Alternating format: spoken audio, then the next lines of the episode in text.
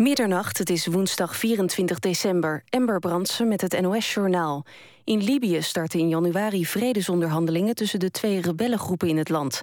De groepen hebben daarover een principeakkoord bereikt. Volgens de VN-gezant in Libië willen de milities... het escalerende geweld indammen. In het land woedt een machtsstrijd tussen de rebellen... die samen in 2011 dictator Gaddafi verdreven. Na diens dood ging de strijd om de macht door... Sinds het geweld deze zomer weer oplaaide... zijn er honderden burgers gedood. Tenminste 120.000 mensen zijn hun huis ontvlucht. Homoseksuele mannen in de Verenigde Staten zijn niet meer voor hun hele leven uitgesloten van bloeddonatie. Vanaf volgend jaar gelden er nieuwe regels. Wie een jaar lang geen seks heeft gehad met een andere man, komt weer in aanmerking voor bloeddonatie. Het verbod werd in 1983 ingesteld na de uitbraak van de AIDS-epidemie. In Marokko is de 27-jarige Hamza B. veroordeeld tot een gevangenisstraf van 20 jaar voor de dubbele liquidatie in de Amsterdamse staatsliedenbuurt. Dat was in december 2012. De openbaar aanklager had de doodstraf geëist. De auto waarin de twee slachtoffers zaten werd doorzeefd met kogels. Hamza B. en zijn mededaders schoten bij hun vlucht meerdere keren op twee motoragenten en wisten te ontkomen. B. werd vorig jaar zomer aangehouden in Tanger. Halfords gaat in afgeslankte vorm verder. De franchisenemers van de failliete keten van auto- en fietsaccessoires nemen 17 winkels over. Het bedrijf met 130 winkels ging in oktober failliet. Door de overname blijven zeker 45 winkels van Halfords open. Een kleine 100 ontslagen medewerkers kunnen weer aan het werk. Het weer bewolkt en op steeds meer plaatsen regen of motregen. Komende dag trekt de regen langzaam via het zuidoosten weg. Dan neemt ook de wind af. In het noorden en midden van het land is er af en toe zon. Het wordt een graad of 9. Dit was het NOS Journaal. NPO Radio 1. VPRO. Nooit meer slapen.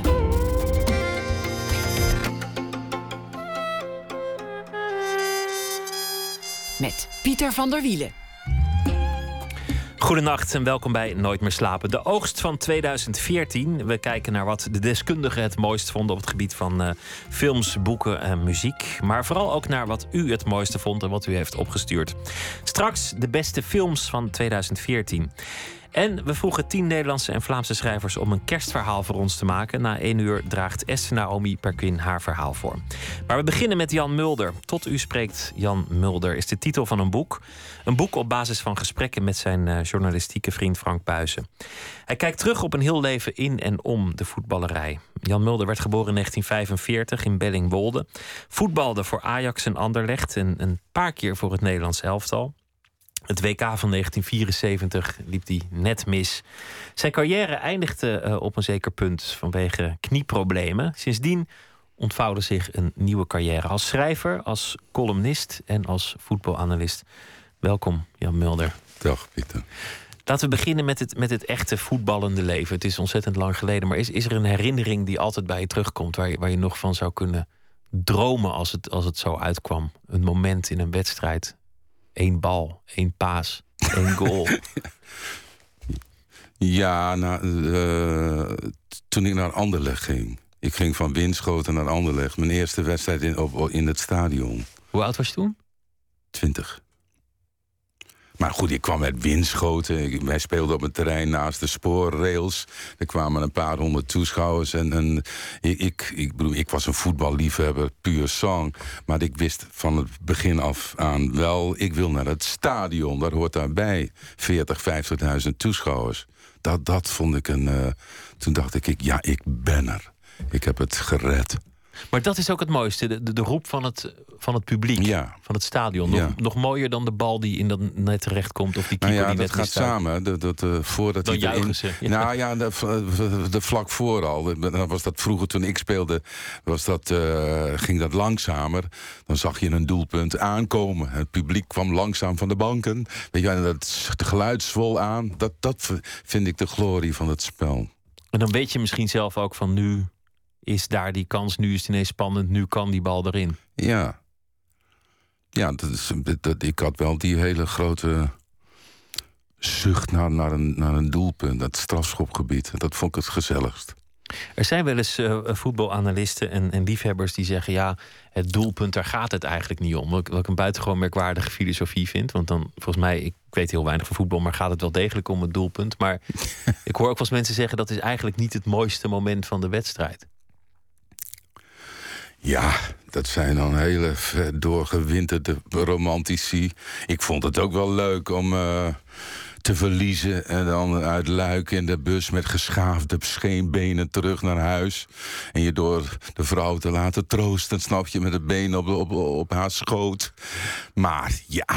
Nee, daar doe je het niet voor. Nee, je, je wilt winnen ook wel. Maar, maar, maar ik moet eerlijk bekennen, ik speelde ook wel die, die dingen vooraf. De warming-up, die, die spanning in de catacombe. Dat vond ik ook wel. Ja, dat, die, die sfeer.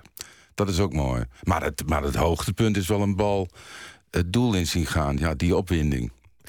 19, dan was het uh, um, 1964 en, en 20, dan was het 1965. Ben, je, ben je een jonge man die, die daar toch een beetje uit een afgelegen hoek van Nederland komt. Vader schoenmaker. En, en, uh, en dan ineens. Sprookjesachtig leven. Ineens een stadion, maar, maar ook een sportwagen waarschijnlijk. ja, ja daar, daar deed ik het eigenlijk voor. Ik bedoel, ik, het liefst had ik nog een club in Toscane gehad of zo, weet je wel. De Pyreneeën. In Brussel was ik, was ik wel tevreden mee. Maar het gekke was eigenlijk. Nee, maar weet je nog je eerste sportwagen? De, de, want MMGB. Dat, dat, dat was mijn grote droom. En ook die auto heb ik verlogend. Ik heb na een jaar of zo heb ik een Ford Mustang gekocht. Ja, daar heb ik er nog spijt van. Ik had dat ding graag nog gehad, die eerste auto. Maar dat, dat lijkt me een, een enorm gevoel als je 19 bent, eigenlijk niet zo goed weet wie je bent. En je, en je komt toch uit een, een gebied waar, waar niet zo gek veel gebeurt. En, en dan ineens heb je een sportwagen, nou ja, meisjes, applaus, bij de vlees. geld. Ja.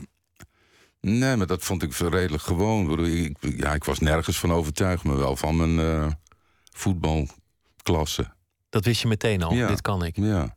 Wanneer wist je dat? Nou, een jaar of acht. Maar dan. dan, dan, dan uh, een jaar of acht in je leven bedoel je? Ja, nee, toen ik acht jaar was. Kijk, ja, dat bedoel ik. Het dus gaat vergelijkende wijze. Ik, ik was veel beter dan mijn vriendjes. Maar ook, ik, ik, ik, ik, ik, ik weet nog wel dat ik toen wel eens dacht kan niet zo zijn dat er iemand ter wereld is die handiger is met een bal dan ik. zo goed was je en zo fanatiek ook. Maar goed, daar vergist ik me lichtelijk in. Er, zijn, zijn, er, zijn er nog wel een paar die een beetje. Maar, maar toch, ja, ik, ik vond mezelf al zo goed dat ik, dat, dat, dat ik daar geen enkele vrees bij had om naar, naar, naar, naar, Brussel te gaan. Nee. Brussel, Anderlecht, um, Ajax, je, had allemaal herinneringen op. En, en dat Nederlands elftal, ja, eigenlijk het, bedoel, je kan het op je cv zetten, zoals het dan heet. Van, mhm. ik heb in het Nederlands elftal gespeeld. Mhm. En ook in een hele legendarische tijd. Maar eigenlijk maar vier wedstrijden. Ja, ja dat, nou, dat was toen ook... Uh, ik, ik, speelde in het buitenland. Kijk, nu zijn clubs verplicht spelers af te staan. Maar toen niet. Ik weet nog wel dat ik wel eens een paar keer meer had kunnen spelen. En dat de club dat gewoon niet wilde. Ik was ook wel eens geblesseerd.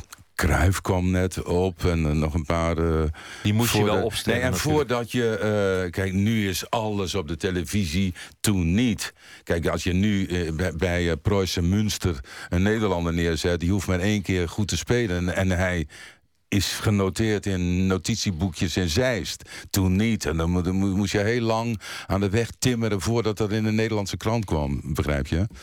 Ik probeer nu mijn carrière te redden. Oh ja, maar ze wisten van je bestaan en je, en je trainde ook mee. Je deed ook mee in, in kwalificatie uh, ja, duels. Maar goed, dat, dat was na... je scoorde ook zelfs. Ja. ja. En dan komt er toch dat moment, 1974... Dat, dat, dat, dat Michels ineens zegt... Uh, Mulder, sorry. Het gaat niet gebeuren. Jij blijft hier. Maar dat kan ik hem niet helemaal maar hoe ging dat? In afvallen. Eh, ik was toen geblesseerd. Hè, en dat, dat was hangen oh, en wurgen. Steeds weer uh, vocht in de knie en zo. Dat soort dingen. En, uh, maar goed, ik speelde toen wel. ook niet slecht bij Ajax. Maar ja, ja, er vallen mensen af. Ik weet wel dat hij dat tegen me zei. Maar ik begreep het wel. Ik bedoel, daar heb ik geen tranen om gelaten. Maar ik begreep dat wel. Zei, zei je dat ook? Van, ah, ja, nou, het wel. Ik, nou ik, ik zei tegen hem... Uh, uh, uh, ik weet nog wel, dat was in de laatste dag voordat ze vertrokken naar Duitsland... was de, Nederland-Argentinië, het Olympisch Stadion. En eh, toen speelde Nederland heel erg goed. En, ehm, hij zei, ja Jan, je gaat niet mee. Ik zei, nou, ik, ik, ik denk wel dat, dat, uh, dat, dat, u dat goed hebt gedaan, meneer Michels. Want, want, dit ziet er goed uit. En ik herinner me nog zijn blik. Hij dacht, verrek, dat, dat, dat, dat, dat is helemaal geen lastige jongen. Die had ik mee moeten nemen. Dat, Zoiets. Dat klinkt mij ook wel, ook wel een beetje in de oren als een, als een andere tijd. Waarin, waarin je misschien toch ook een soort respect had of tegen zo'n man opkeek en dacht: Nou ja, meneer Michels, als, als die dat zegt. En, nou ja. Nee, nee, dat had ik. Dat, ik zag meteen de kleinheid van hem. En dat, dat wou ik verdoezelen. Het gebeurde namelijk in een. Uh, kijk, ik snap dat ook wel dat er een lastige mededeling is, weet je wel. Zo'n jong een speler die wil graag mee. maar hij was bloedzenuwachtig. En, ik werd naar hem toegeroepen uh, naar het ballenhok. En hij inspecteerde daar de cornervlaggetjes. En, en, en, en de, de, de, de oude leren ballen. Hij stond met de rug naar me toe toen ik daarin kwam. Dus ik moest de keel schrapen. en toen draaide hij zo, ah Jan. wat ik nu zeg, ik, ik vergeet het nooit. Hij zei, wat ik nu ga zeggen, verpest mijn hele zondag. En, hij was dus zenuwachtig. En ik heb hem als het ware gelanceerd om daar niet nerveus over te zijn.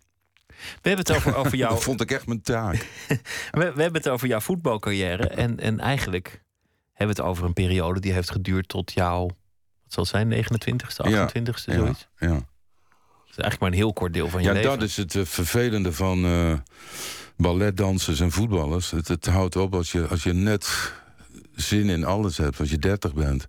Als je net weet wie je bent en ja, de, de dat, ja, violisten en schrijvers hebben daar minder last van. Of uh, acteurs. Dat, kun je, dat is echt heel erg uh, jammer. En kijk, in voetbal en ballet ook kun je choreograaf worden. En voetbaltrainer, maar dat vond ik in, dat nooit. Je bent een speler of niet. Ben je nog steeds een speler? Ja. Ja. Een voetballer? Ik, nou, ik, ik, ik, ik, ik treed graag op. Of uh, ja, met publiek en een soort... Ja, dat vond, ik met voetbal ook. En ik zou nooit uh, in de spelerstunnel staan. Hè, die leuke spanning. En dan, dan dat stadion inlopen. En voordat je het veld betreedt, linksaf gaan die bushalte in. De duck-out, zoals dat heet, in een jas. Dat, dat, dat zag, zag, ik mezelf niet doen. Ik wou, je, je bent een speler. Is er, is er inderdaad een verband tussen theater, optreden of, of televisie en, en, en, een stadion? Is, is dat uiteindelijk Nou, een klein beetje wel, met dit verschil dat dat, dat dat in het stadion eindeloos veel mooier is. Want veel groter, veel meer meeslepender, modder. En er is een winnaar. En, en, de, de, massa, ja, en er is een winnaar. De, ja. En ik snap ook wel, ik, ik, ik, ik was graag... Uh,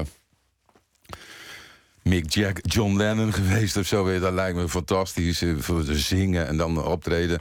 Maar, maar het voetbal heeft, dat, heeft toch iets uh, onbeschrijfelijk moois. Als het tenminste niet uit de hand loopt met allerlei uitwassen van. van, van uh, corruptie en smerig spel en weet ik veel wat. Weet je, dan, dan heeft het iets prachtigs. Nou, je hebt natuurlijk ook saaie wedstrijden. Dat, dat is net zo erg. Ja, maar toch, dan genieten. Kijk, de, de, de, de, de supporter geniet al van de, het, het, het veld. Als er geen speler op staat, dat heb ik ook. Dat schitterende vlak. Die lijnen, die beleiding. Prachtig, prachtige uh, schilderij. Toen jij begon was het nog niet zo dat, dat schrijvers zich heel erg bezig hielden met de voetballerij. Inmiddels zijn er velen die erover schrijven. En dan komen altijd die vergelijkingen van wat nou die romantiek en de schoonheid van het voetbal is. En dan is de vergelijking al gauw dat het iets te maken heeft met oorlog. Of, of met, met de liefde, of met, met seks, of met uh, andere veroveringen. Ja. Waar zou jij het mee willen vergelijken? Nou, dat valt niet te vergelijken. Dat hangt er ook van af. Kijk, als uh, Cruyff, Messi, Ronaldo, Ibrahimovic het doen... en Hazard, die Belg... dan is het ja, een soort vorm van kunst. Kunstig. Ballet. Ja, ja dat, maar dat valt ook niet te vergelijken. Want je hebt een bal en een tegenstander. Het is in zekere zin lastiger dan ballet. En, en, maar voetbal kan dan bij dat soort spelers zo prachtig zijn. Ik kan echt genieten van, van Hazard en, en van Ronaldo. Maar je, je staat Puur ook, optisch, weet je wel. Je staat ook, en dat, dat komt ook uit je boek naar voren... Uh, het boek als een, als een liefhebber van vrouwen. Is, is, Ah. is daar dan ook een soort, soort vergelijking van dat moment dat je net beschreef van nu zou het kunnen gaan gebeuren, nu kan ik scoren. Heb je dan hetzelfde soort gevoel bijvoorbeeld? Nou, dat weet ik niet. Ik moet dat, kijk, liefhebben van vrouwen. Ja, dan, dan moet ik uh, als uh, reden daarvan moet ik opgeven dat ik niet homoseksueel ben. Anders zou je van mannen houden, ja? Ja, nee, maar ik, ik, ik, ik, liefhebber van vrouwen. Ik claim het even zo. Ja, ik, nou ja, ik, ben heteroseksueel. een, een, zekere scoringsdrift die veel mannen van je leeftijd niet meer nee, hebben. Nee, die, die heb ik helemaal niet. Ja, op een hele matige manier. Misschien wel een normale, natuur, natuurlijke manier. Maar, maar uh, ik weet nog wel of... Uh, ik wil niet zeggen dat het traumatisch is, maar... op school en zo verlegen. Ja, op, op, op, middelbare schoolfeestjes. Ja, dat, dat, dat, ik was geen uh, topscorer. En daar was ik ook niet op uit, maar gewoon normaal gemiddelde zou ik wel willen halen. Gewoon met een meisje uit, ja. Heb je enig idee en, van... En dat heb ik nooit, ook nooit gehad. Maar doordat je een klein beetje bekend wordt of zo, of leuk... Ja, alhoewel mijn vrouw, op wie ik al 50 jaar verliefd ben... dat, die, dat, dat, dat was voor het voetbal. Dat, uh, dat, dat, dat is wel waar. Enig idee wie je zou zijn geweest... wat voor persoon je was geworden zonder dat voetbal? Ja, zeg het maar. Dat, dat is de ja, leraar. Uh... Maar nog steeds ergens in, in het noorden van het land? Nou ja, dat, dat, denk ik niet. Ik wou dat op de een of andere manier wel weg. Maar die, die, die, die weg naar, naar, naar, naar de wereld, die, die, die, die voelde ik al vanaf het begin door de voetbal. Weet je, dat was mijn carrière, dat wist ik zeker. Maar als ik dat niet had gehad, dan, dan ja, ik had ook best... Uh, Alhoewel, nee, ik had niks anders gewild. Nee, maar dat alle was dingen... een tragedie geworden. Alle dingen die je ook bleek te kunnen en die ook op je pad zijn gekomen, ja. kwamen uiteindelijk via het voetbal. Dus, dus het schrijven, ja, uh, andere creatieve dingen die je hebt gedaan. Ja. En, Nou, die- en misschien ook je verlegenheid afschudden. Misschien is, is voetbalverdet worden wel de beste manier om van je verlegenheid nou ja, af te komen. verlegenheid gaat misschien te ver. Maar, maar ik heb altijd baat gehad bij... eh, als ik bijvoorbeeld in de trein zou zitten... ik spreek moeilijk iemand aan. En doordat je een klein beetje bekend werd... En voetbal, dan, dan word jij wel aangesproken. Vond ik altijd prettig. Ook als het geen vrouw was, Pieter. Niet alleen bij de vrouwen. Dat, Nee. dat, is, dat is toch aan je gaan kleven. Het is niet iets wat ik Ja, maar dat, dat ligt echt niet aan mij. Dat heb ik niet gezocht. Nou, kom je, in, in programma's vind je het leuk om erover te praten. In je boek schrijf je er ook weer over. Er wordt Dus- altijd eh, eh, eh, oh, door mij over gepraat... nadat de, de presentator het onderwerp heeft aangesneden. En de presentator heeft je boek gelezen waarin het er 15 pagina's Ja, over gaat. de- zoals je ziet ben ik geïnterviewd. En werd mij dat opgedrongen. Eh, Het heeft iets zieligs om daarover te beginnen, altijd, vind ik. Ja, maar dat is wel grappig. Dit is Maar, dus maar een- dat is niet uit te roeien, dat vind Nee. ik ook best. Nee, nu We- zitten we ook weer vast. Ja, we zitten klem. we zitten klem. We gaan muziek draaien. Laat maar zitten, die vrouwen. Uit- kom maar alsjeblieft straks maar even op terug. Doe ik. Uit Boston, de band eh, Lake Street Dive. Ze bracht een eh, album uit dit jaar met de titel Bad Self Portraits. En daarvan gaan we een nummer draaien. Better Than.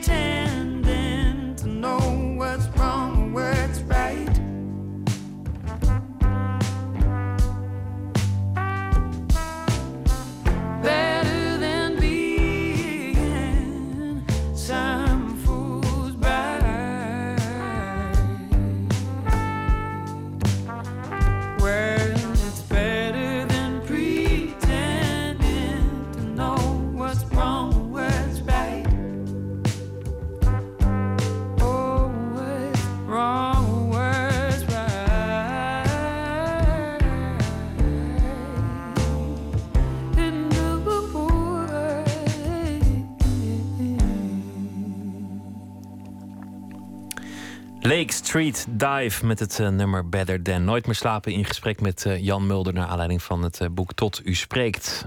over de opkomst, verval en de redding van het voetbal... en van Jan Mulder zelf. Ja, nou ja, oké. Dan gaan we het niet hebben over het versieren van vrouwen. Ben ik wel benieuwd hoe je eigenlijk... Hoe, hoe doe je dat eigenlijk om, om meer dan 40 jaar... met dezelfde vrouw verliefd te blijven? Ja, raadselachtig fenomeen, maar geluk. Soms lukt het. Ja, nou reken maar.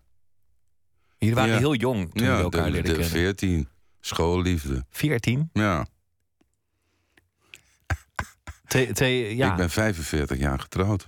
Ja, ze- 46.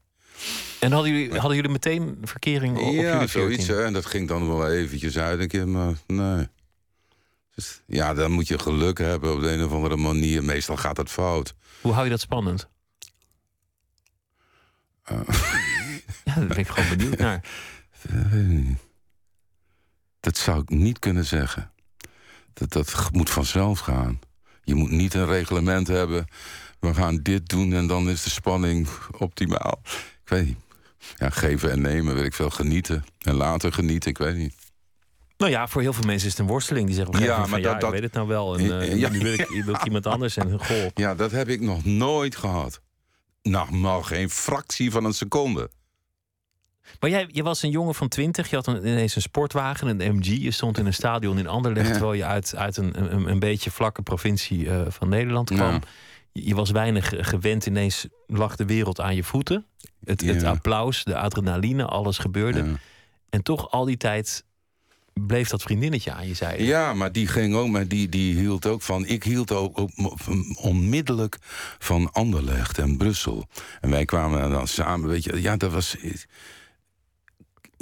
instant liefde ook. En dan, je moet ook niet vergeten, kijk, Anderlecht, Brussel, dat klinkt heel erg eh, Latijns en, en exotisch. Maar in feite is Anderlecht een, een, een, een, een, een gemeente van Brussel, een soort veeboerenland. Waar, eh, eh, Pajottenland heet dat. En daar, daar spra- spraken ze ook een soort dialect, het Brussels dialect, wat behoorlijk wat overeenkomsten met het Gronings had. Ik voelde me op een of andere manier qua feeling en te- thuis daar. Dat was niet- helemaal niet eh, eh, Lissabon of zo. Ik weet het niet.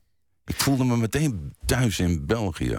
Maar de wereld ingetrokken met als, als ticket het voetbal. Ja. En je vrouw die je hebt meegenomen uit, uit Groningen Ja. mee de wereld in. Samen de wereld in. Ja, dat is, nou, zeg het nog één keer.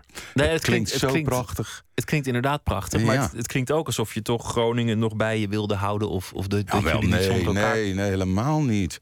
Ik heb ook niet het gevoel dat mijn Johanna eh, G- Groningen vertegenwoordigt. Inmiddels dat is veel, meer. Nee, maar dat is veel meer de wereld dan, dan ik. ik. Ik vertegenwoordig dat in zekere zin nog wel een klein beetje. Maar ik was bij wijze van spreken zonder het voetbal in, in windschoten blijven hangen. Johanna niet. Die was hoe dan ook wel Ja, weggekomen. die was echt een, eh, een verkeerde honkballer eh, meegesleurd naar de Dallas.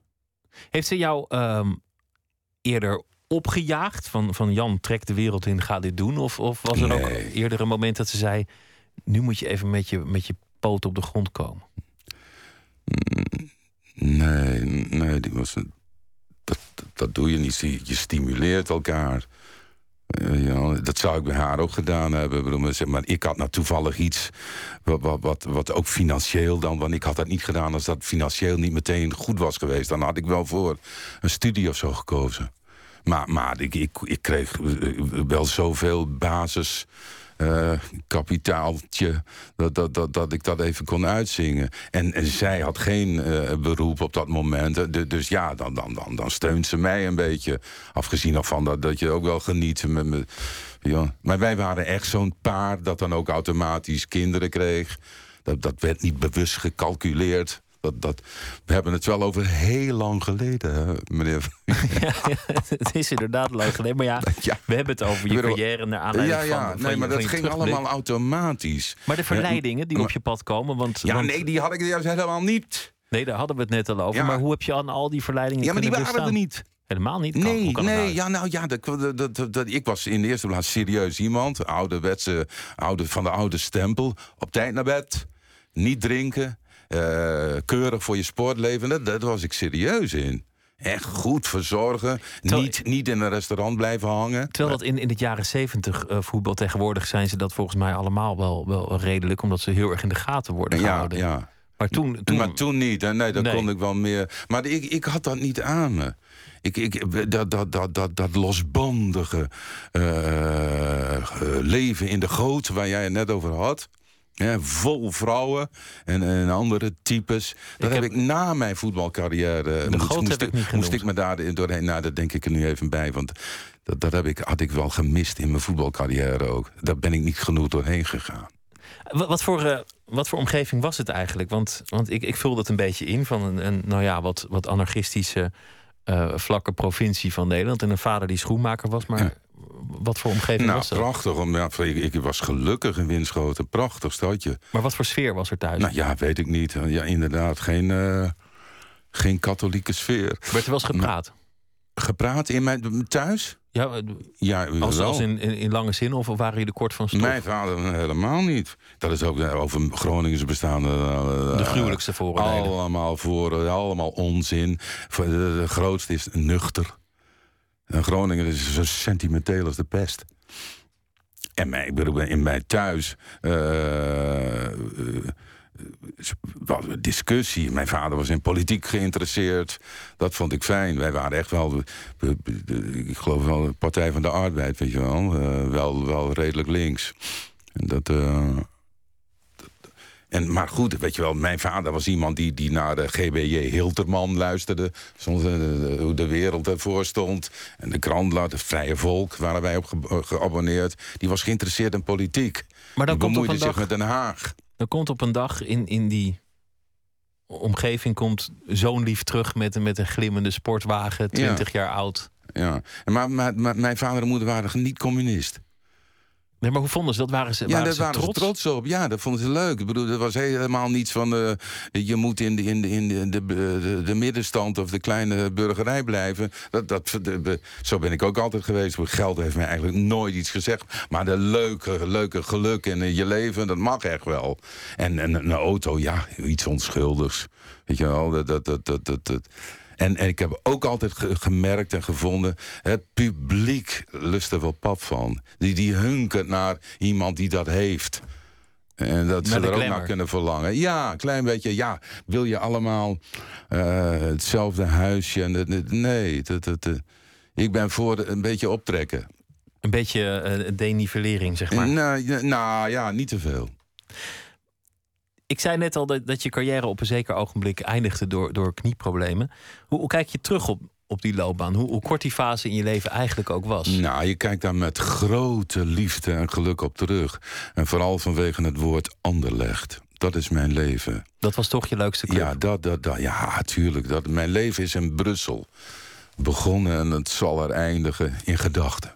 Ik had gedacht dat Ajax ook wel heel belangrijk voor je zou zijn geweest. Ja, Omdat en- het zeker in die tijd natuurlijk een Ja, daarom was ben waar ik de daar- hele wereld naar keek. Ja, daar, daarom ben ik daar ook naartoe gegaan. En Cruijff wou het graag dat ik daar naartoe ging. Dat vond ik leuk. En Ajax was toen de alle beeldschoon voetbal. Dat was de beste club ter wereld. En op de een of andere manier vond ik dat leuk. En, en, en, en een hele eh, kleine sentimentele reden waarom ik terugging... was ook nog wel dat ik het leuk vond dat mijn moeder... mij in de eredivisie in, het in het Feyenoordstadion kon zien spelen. Weet je wel, mijn moeder kwam ook altijd naar het voetbal kijken. Ik was geïnteresseerd toen ik klein was. Weet je wel, dat, dat, dat, dat, kijk, ze gingen altijd wel naar, naar België kijken en zo. Maar, maar, maar, maar onze, onze liefde voor het spel kwam door... Abel Enstra, Vaas Wilkes in die tijd, weet je wel, de, de, de, de Nederlands elftal, de Kuip. En, en, en op de een of andere reden denk ik dat, dat, dat ik dat ook fijn vond. Abe was jouw held. Ja, van, ons, van de familie. Ja. Wij luisterden naar de radio, Holland-België, Abe. Abe wo- wordt achteraf wel van gezegd dat het een luie voetballer was. En, en een luie voetballer, dat klinkt denigerend, maar niet iemand die enorm rent. Tegenwoordig vinden mensen het fijn als een voetballer de hele wedstrijd Ja. hard werkt. Dan zeggen, zeggen ze achteraf, oh, hij heeft hard gewerkt. Maar hij stond, schijnt, toch een beetje te wachten van Zico een kans. Oh, daar is een bal. Ja, maar dan was hij toch imponerend. Ja, ik, ik, ik hou er intuïtief ook meer van. Ja, van iemand die kijk, hij was een ja. groot technicus met, met niets. Een soort, eh, kijk, later, eenzelfde soort speler was er wel een klein beetje Piet Keizer. Dat, dat, dat, dat, kijk, Cruijff was wel de beste speler, maar Kei- Keizer had, had iets eh, abstracts. En die stond stil en die kon een bal van zich af laten kaatsen. En dat het dan eh, toch een hele ingenieuze paas werd. Weet je wel? Met niks, bijna schouderophalend. Maar, eh, maar je had ook spelers, die, ja, die rennen zich kapot. Maar Abe de, de, de, en Piet deden dat met één beweging. En wat was je zelf Maar- voor speler? Een, een Nou, renner meer, of meer, een- eh, meer eh, hoe heet dat, gaat het, eh, eh, eh, hoe heet het, stoermoendrang. Gewoon hard werken. En Nou, nee, ik was, wel, ik was geen werker, ik was een spits. Maar ja, goed, dan nog kan je, kan je rennen en afwachten. Nee, ik, ik was wel, wel eh, ik- meer, op snelheid en toorinstinct, weet ik, ja, van, van snel handelen of zoiets. Ja. Dan, eh, dan gaat die knie eraan. En, en dan komt eigenlijk een, een verhaal, dat, dat heb ik wel eens gehoord, dat je eigenlijk via de arts die die knie zou moeten fixen, maar dat is nooit helemaal gelukt, kwam je in, in de artistieke, journalistieke, eh, literaire milieus in Amsterdam terecht. Nou, ja, dat, dat was iets, dat was geen arts, dat, was, eh, eh, ik, ik moest toen mijn quadriceps, de dijbeenspier, moest ik aansterken. Dat, dat, dat, men had me gezegd, in, in café Scheltema, dat was... eh, Nieuwezijds eh, Voorburg wel? eh, Ja, Fleet Street van Amsterdam. Weet je wel, Parool, Vrij Volk, Volkskrant, NRC Handelsblad. En al die journalisten en artistiekelingen die zaten er. Maar boven op de eerste etage, er was een soort fitnesscentrum. Van Willem de Lange, heette die, de eigenaar toen van het café. En daar deed, zat ik dan mijn oefeningen te doen. En dus 's ochtends naar de training. En dan ging ik een kop koffie drinken in, de, in het café. En daar zaten Wim Schippers en Adriaan Morje. En Kees van Kooten en Wim de Bie schreven daar een eh, sketches. En die vond het natuurlijk prachtig om ineens zo'n bekende voetballer daar Ja, te hebben. ja, ja, dit waren voetballiefhebbers. En zo ben ik dan een beetje... Niet omdat ik nou heel erg geïnteresseerd was in, in eh, de kunsten of zo. Ook wel een klein beetje. Maar zij waren echt... eh, die vonden dat leuk. Wanneer kwam je erachter dat je het leuk vond en, en dat je het ook kon, stukken schrijven? Nou, dan, omdat iemand me dat vroeg van de tijd. Gewoon van, weet keer je, iets ja, schrijven? de tijd Maasbode was een dagblad. En dat, het hield op te bestaan. En eh, die hadden een goede sportredactie altijd vroeger. En eh, dat werd opinieblad, de tijd. En toen wilden ze die, die oude romantiek van de sportredactie... Toen dacht ze, nou, misschien kan Jan Mulder eh, iets schrijven. Dat- Even proberen. En toen schreef ik dat stukje. Toen denk ik, verrek, ik ben geen journalist of zo. Dat, dat zou ik ook nooit weer... Ik ben een columnist. Dat, dat, dat, Maar je vond het vooral ook leuk om, ja, om ben stukje te taal. maken. Ik, ja, ik, ik, ik, ik hou van. Ik, ik, ik leef in zinnen. Het gaat maar door. En veel voetballers leven in beelden. Het is natuurlijk een heel, heel beeldend beroep. Ja, je. Moet, je moet die lengte inschatten, die bal en die hoek en die lat. Ja, zou het. Ja. Ik weet niet of dat het een het ander meer, uitsluit. meer ri- ritme en inderdaad. Met woorden eh, kom je eh, nergens. Nee, alhoewel, het is vrij belangrijk. In Engeland praten ze veel. Was een soort openbaring voor me. Voor de eerste keer dat ik tegen een Engelse prof vroeg. Dat is me een redenkavel zeg. Schreeuwen naar elkaar. Maar schelden? Of, Nee, eh, nee, elkaar de, eh, pas op, daar achter je voor, naar links, weet je, maar dan grover. Dat is een en al eh, gekakel. Weet je, dat, dat, dat, dat, in Nederland gebeurt dat bijna eh, zwijgend. Ik zie die coaches wel eens schreeuwen en denk, wie hoort dat nou in zo'n stadion? Ja, en dan eh, kan je ook wel zeggen wat ze, ze roepen. Kom op, jongens. Naar voren. Ja, naar voren. Ja, Ja, meer zit er ook nee, op. veel, veel meer zit er niet in. We hadden het over jouw vrouw. En, en dan op Ja. een zeker ogenblik komt er een grote verandering in je leven. Namelijk, je hebt, je hebt een nieuwe passie gevonden. De, de taal en, en het schrijven. Mm. Als je dat tegen je vrouw zei op dat moment, had ze daar meteen vertrouwen in? Zei ze meteen, Jan, dit kan je, dit gaat? Nou ja, natuurlijk, maar ze dacht, ze, ze, ze, l- leefde wel met me mee. eh, houdt hij dat wel vol? Is dat wel iets wat, wat je, ja, je kunt tien stukjes schrijven en een boekje of zo. Dat, dat, eh, ze, zij zag even niet eh, het perspectief. En eh, die, zag mij daarin vastlopen. Maar ik, dat, eh, ik had dat niet. En ik ben ook nog wel zo, dan maar vastlopen. Ja, dan loop je een keer vast, toch? Ja, ja. Een andere carrière die je, die je bent gaan doen is die van, van commentator. Allereerst natuurlijk voetbalcommentator, wat een, wat een wonderlijk eh, beroep is, waar er namelijk heel veel van is geen zijn. beroep. Het is een Het is niet een beëdigd eh, gilde, zeg maar. Maar jij nam meteen een, een bijzondere rol op je. Nou ja, laten we het straks hebben over wat die rol is en luisteren naar eh, een oude koe, namelijk eh Barend en Van Dorp.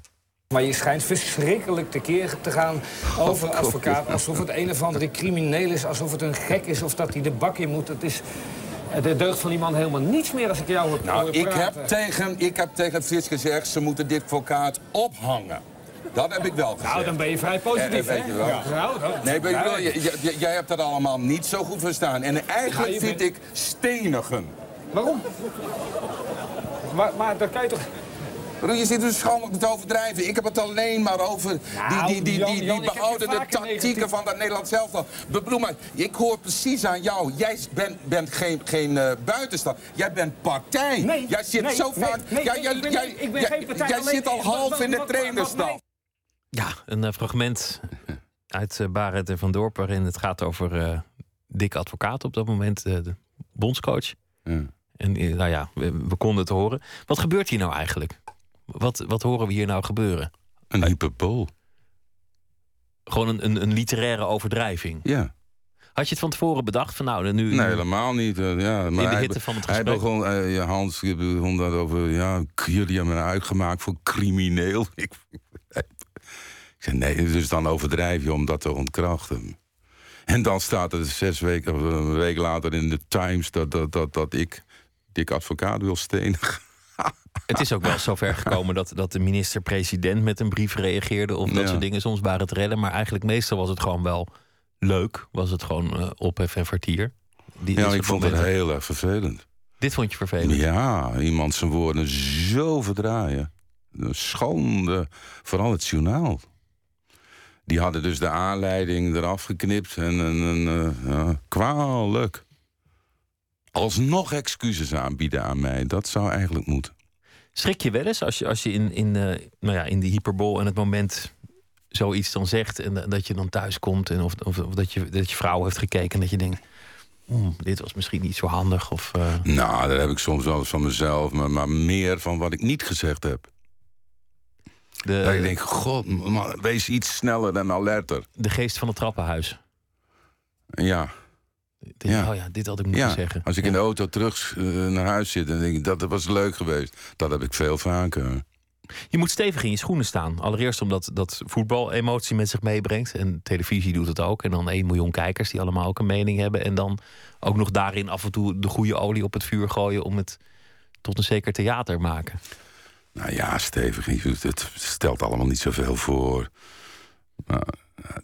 Nou, stelt niet zoveel voor. Een ingezonden brief van de minister-president opheft tot aan het journaal aan toe. Ingezonden brieven, boze internetreacties. En eh, Ja. wellicht ook nog wel een keer een, een enkele verwensing of ernstiger. ja, maar nou goed, dat vond ik allemaal heel erg kwalijk. En kortzichtig en dom. Van en het NOS-journaal en van die minister-president... en nog van een paar andere mensen. Dat, dat, dat, en, en kijk, tot op de dag van vandaag word ik daarmee geconfronteerd. En ook zo'n fragmentje, weer nou, een per jaar ongeveer vijf keer... herkauwen ze dat voor mij, mensen zoals jij... Ja, Weet je wel, en, en, en zoveel te, te, eh, eh, des te meer je dat eh, bestrijdt, des te erger wordt het. Ja dan geef je het eh, wat eh, Ja, Margaret ik Thatcher bedoel- noemde de zuurstof der Ja, publiciteit. en dat, dat, dat is heel vervelend, maar dat is, dat, daar heb ik me bij neergelegd. Ik ga morgen naar een radioprogramma en dan stelt de, de eerste, de beste passant mij dezelfde vraag. Dat is, dat is natuurlijk ook wel een beetje de tragiek van dit soort incidenten die op een gegeven moment in, in het geheugen komen. Maar het is ook iets wat een beetje bij jou is gaan horen. Het, het was ook in dat programma jouw rol. Degene die datgene zei wat niemand anders durfde te zeggen. Of als het ging kabbelen, dan kwam Jan wel met iets. Ja. nou ja, maar dit, dit, dit, is totaal eh, uit, niet eens uit de context getrokken, maar, maar, maar eh, eh, rood geschilderd en op de kop gezet. Ik, ik, ik, ik, ik bestreed juist wat, wat, wat, wat, wat mij voor de voeten gegooid werd. Met een overdrijving. En als je dat al niet snapt, dat is kwalijk. Heel erg mis is zoiets.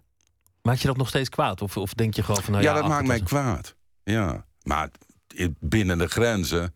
Maar, maar als ik het wel beschouw, ik zou zoiets nooit van mijn leven doen. Ben je voorzichtiger Iemand geworden? onrechte eh beschuldigen, en vooral met woorden, moet je heel voorzichtig mee zijn. Maar ben je zelf voorzichtiger geworden? Nee, ik, ik, ik, eh, eh, Nee. Alhoewel, als, ik met zoiets, als ik zoiets letterlijk, dan zou ik inderdaad denken: nee, mensen die dit horen, men, men is vrij dom en, en, en eh, k- kortzichtend. Men luistert niet, men leest niet. Ironie gaat Eh, verloren, eh, gaat Maar goed, dat was ook niet. Ik, ik werd later werd ik gezegd, ja, de, ja, ironie. Nee, het was geen ironie. Het was een, een, een, een, een, ontkennende, hoe heet dat, overdrijving. Nou ja, een ontkennende ja, nee, dat, overdrijving. ironie, dat, dat, dat zeg je. eh, Maar dat is toch veel te veel eh, zonder- gevraagd voor de, voor de meeste mensen, een ontkennende overdrijving. Nou, ik bedoel maar, a- als, ik tegen, als jij tegen me zegt, eh, je was, ehm, eh, eh, je bent hier. als ik tegen je zeg, ja, ik ben hier van Amsterdam vanavond op de fiets naartoe gekomen, dan, en jij zegt tegen mij, ja, ja, dan bedoel je toch nee?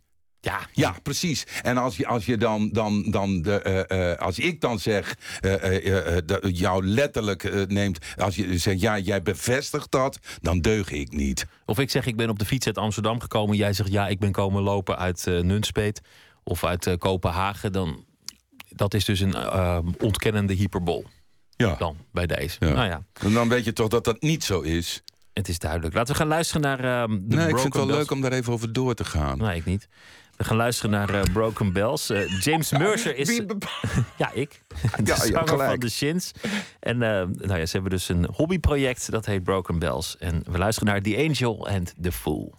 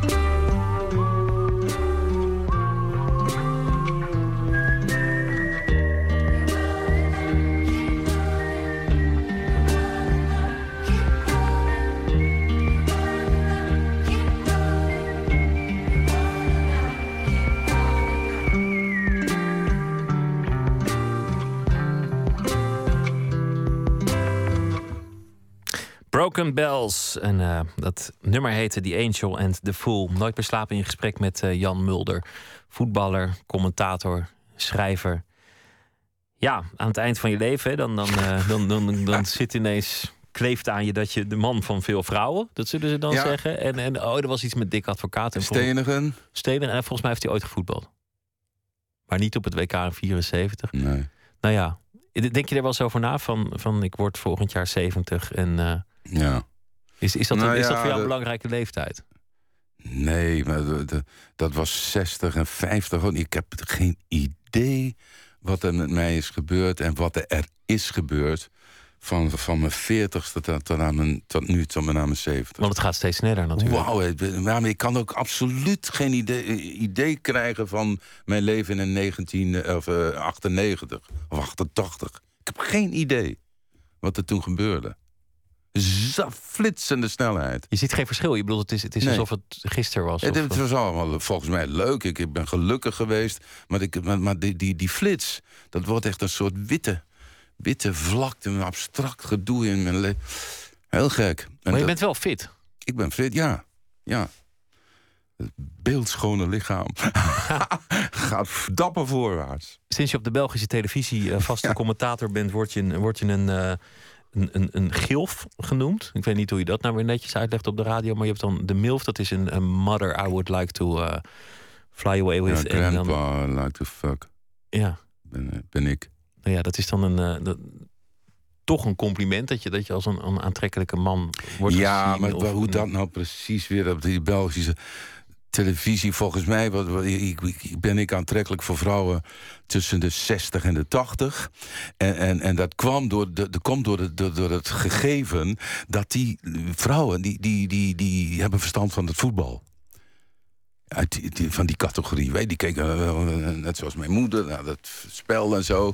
Die, die zijn niet geïnteresseerd in, in, in de man, maar in, in, in de voetballer. En, de, en, en ik zei op die Belgische tv ook nog dingen eh, over het systemen. Dat, dat, dat je daar niet zo naar moet kijken. Het gaat Fuck om the system, Ja, die ingewikkelde dingen op het middenveld. En niemand heeft er verstand van. Dat is interessant doenerij. En ik stond aan, aan de kant van de kijker. Door te zeggen, let daar maar niet op. Het gaat gewoon om een goede paas. Het gaat ja, om het gaat om de schoonheid van een trap of een dribbel. Dat, dat is leuk. 5, 2, 2, 4, 3. Nee, wat, nee, eh, nee, dat bestaat niet. Er is nog nooit een voetbalwedstrijd gewonnen door een cijfercode. Ben je bezig met, met eh, aftakeling, met je gezondheid? Merk je Ja. dat je er meer op let? We zijn eh, goed bezig, goed op weg. Omdat, ja, In welke zin? nou, ik bedoel, ja, dat, dat wordt toch. Wat toch. Minder dan toch. Wel, op de ene manier, ja, geen twintig. Ik vind het wel, ik vind het onrechtvaardig.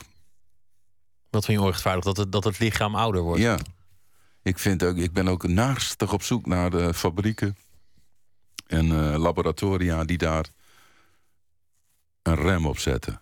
Op de veroudering, een, Ja. een elixir. Ja, Iets, iets in een ja. flaconnetje. Ja, dat zou Ja, mooi zijn. orgaanvernieuwing, cel. eh, ja, ja, daar ben ik hevig in geïnteresseerd. Al was het maar eh, niet om feitelijke reden. Het zal maar een zorg zijn, weg ermee.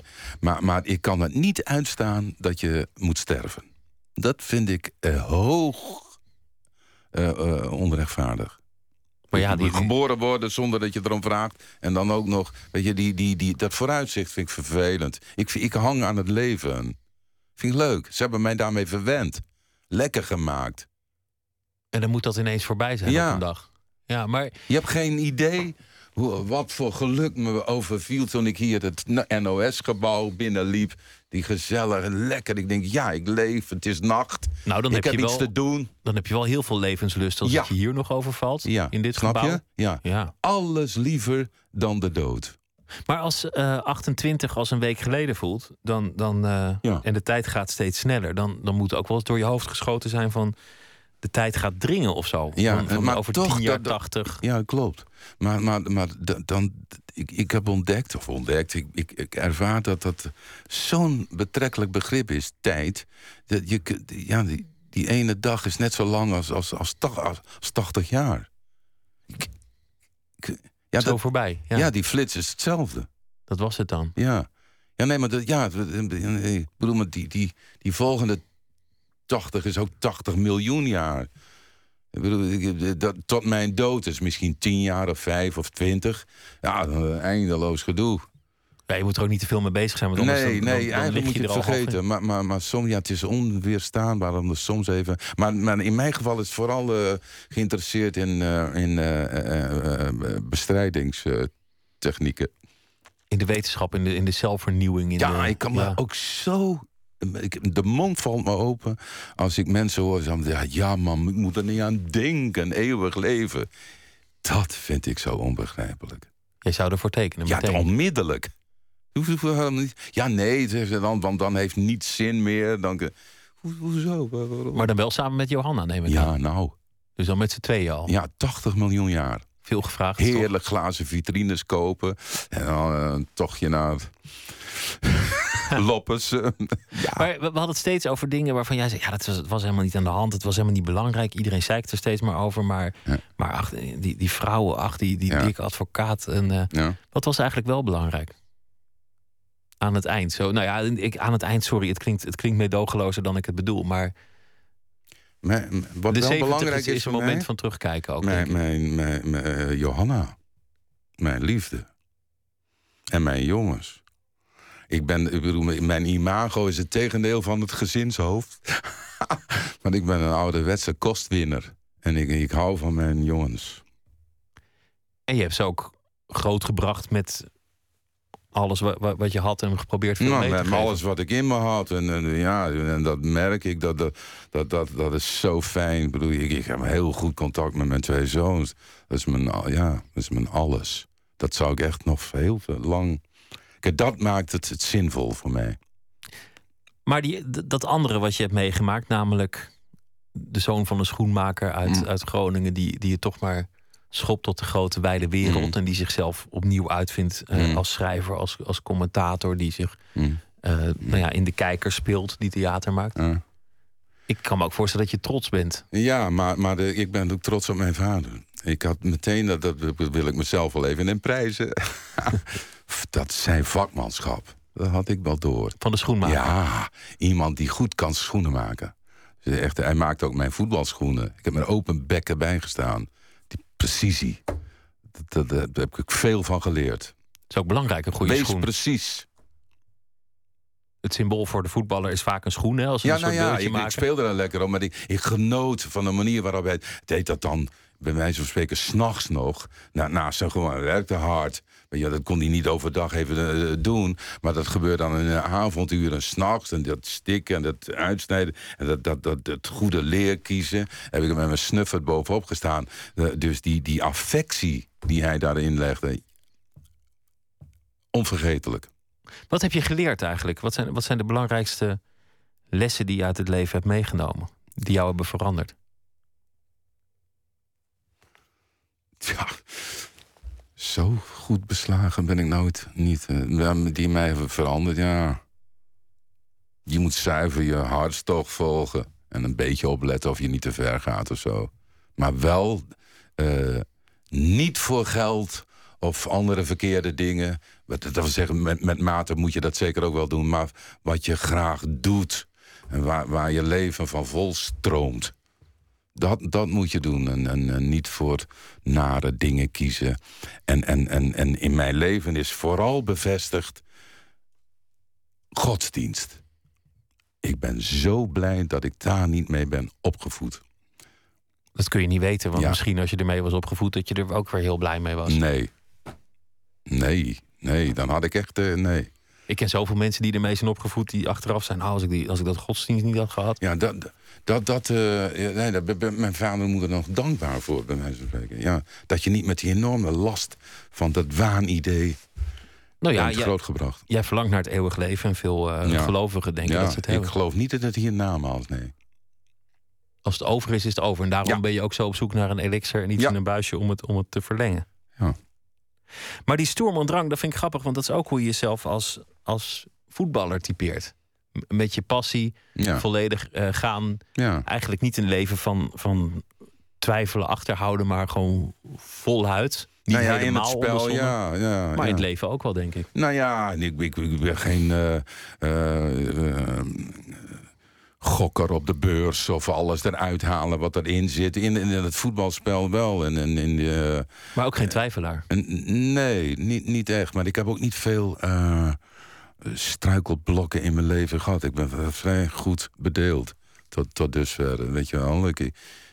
En het is wel zo, dat, dat, dat is wel waar. Toen ook met het schrijven en met voetbal ook. Ik heb wel alles gegeven. Ik, ik heb dat, dat dan gedaan en ge- ge- gepakt wat ik moest pakken. Weet je wel, da- daar heb ik niet in getwijfeld. En met schrijven en, tv ook. Ik en iemand nodigt me dan uit, Frits en Henk. eh, Frits Barend en Henk van Dorp. Ik denk, ja, dat doe ik. Ik vind dat leuk. Dat komt op me weg. En dan ook en, en dat toeval heb ik een je beetje voor me uitgebiljard. Nou eindigen we somber alsof het al, alsof het al over is. Van eh, hij wordt 70. Maar Ja. eh, je, je hebt natuurlijk nog, eh, als je niet al te veel rookt, 30 jaar te gaan. De voetbal, blijft dat, blijft dat in je bestaan? Want, want nog steeds is het als commentator een, een belangrijk deel van nou ja, je en je nou dag ja, je- nee, je ja, ik doe dat erbij. zou, je, zou je zonder kunnen al? Nou, ik, ja, tuurlijk kan ik wel zonder, maar dat wil ik niet. Dat, dat zou ik een kleine verlogening van mijn jeugd vinden. Kijk, eh, dat voetbal is, namelijk is ook wel zoveel veranderd. Het is soms eh, onverdraaglijk geworden. De, de, die, die vercommercialisering, dat gaat helemaal de verkeerde kant op. Je ziet het aan de lichamen, die opgepompte Ja, nee, dat, maar goed, dat is dan nog daar naartoe. Maar dat er jongens van 11 jaar in Groningen verkocht worden aan Barcelona voor een miljoen. Jongetjes van 8. Barcelona koopt honderden van die jongens. En leidt ze op en verkoopt. En zeg maar, Dat, dat, dat is onsmakelijk aan het worden. En die, die, die, die, voetbal, die dat topvoetbal, waar je dan graag naar kijkt... dat wordt nu gereduceerd tot 6, 7, 8 clubs. En dat is dan elke dag op tv. En Chelsea en Real Madrid winnen.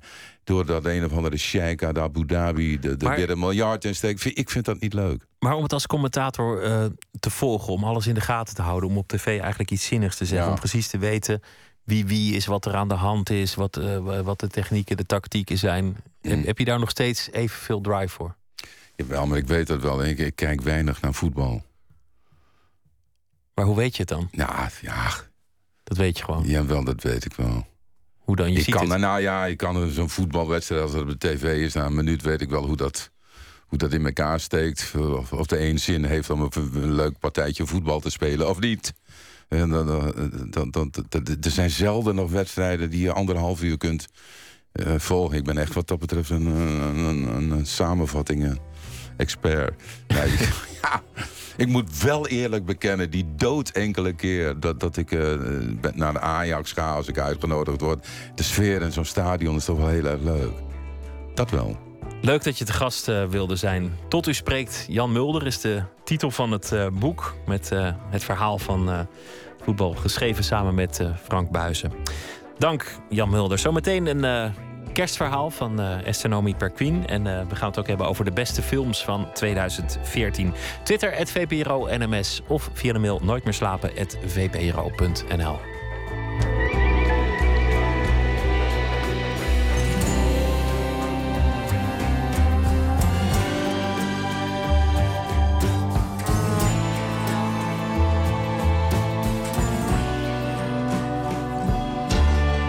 Radio 1. Het nieuws van alle kanten.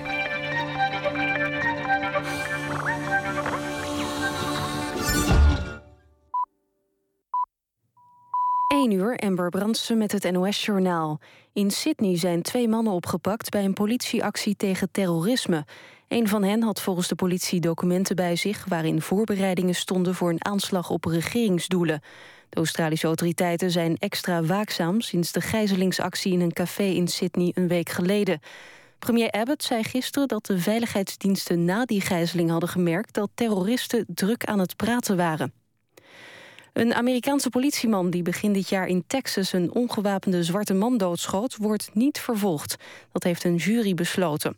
De agent schoot de 26-jarige Jordan Baker buiten diensttijd dood.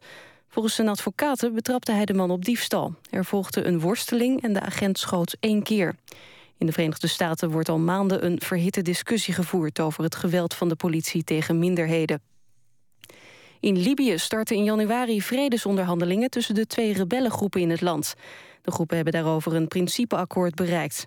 Volgens de VN-gezanten in Libië willen de milities het escalerende geweld indammen. In het land woedt een machtsstrijd tussen de rebellen... die samen in 2011 dictator Gaddafi verdreven.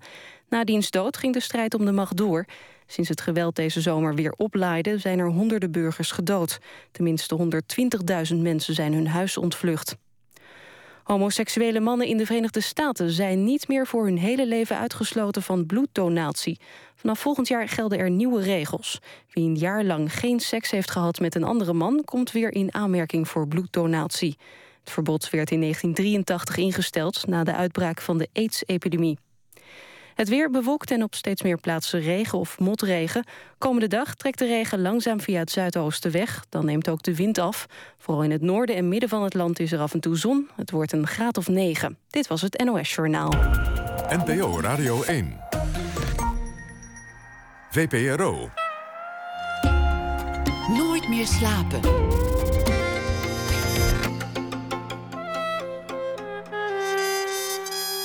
Met Pieter van der Wielen.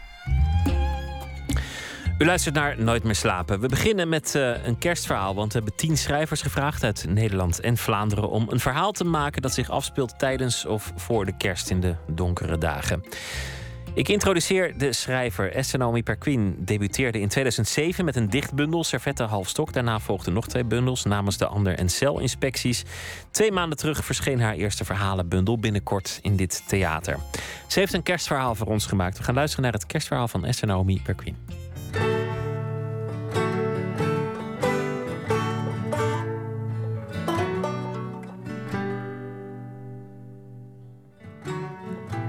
Schipper. Je hebt dan toch eindelijk naast me gelegen vannacht, roerloos slapend op je rug, met je armen onder je hoofd en je buik bloot alsof er geen gevaar te duchten viel. Ik lag er wakker van. Misschien ben ik minder te vertrouwen dan vroeger. Misschien ben ik op een leeftijd gekomen waarop iedere vorm van kwetsbaarheid telt. Het is verbazend dat je er nu bent. Dat het je zo gemakkelijk afgaat hier te zijn. Mijn boom te versieren, mijn gasten bij te schenken, in slaap te vallen. Ik ben uit bed gegaan, weg bij die blote buik. Ik ben in de keuken gaan zitten omdat ik moest denken aan een verhaal dat ik ooit van een schipper hoorde.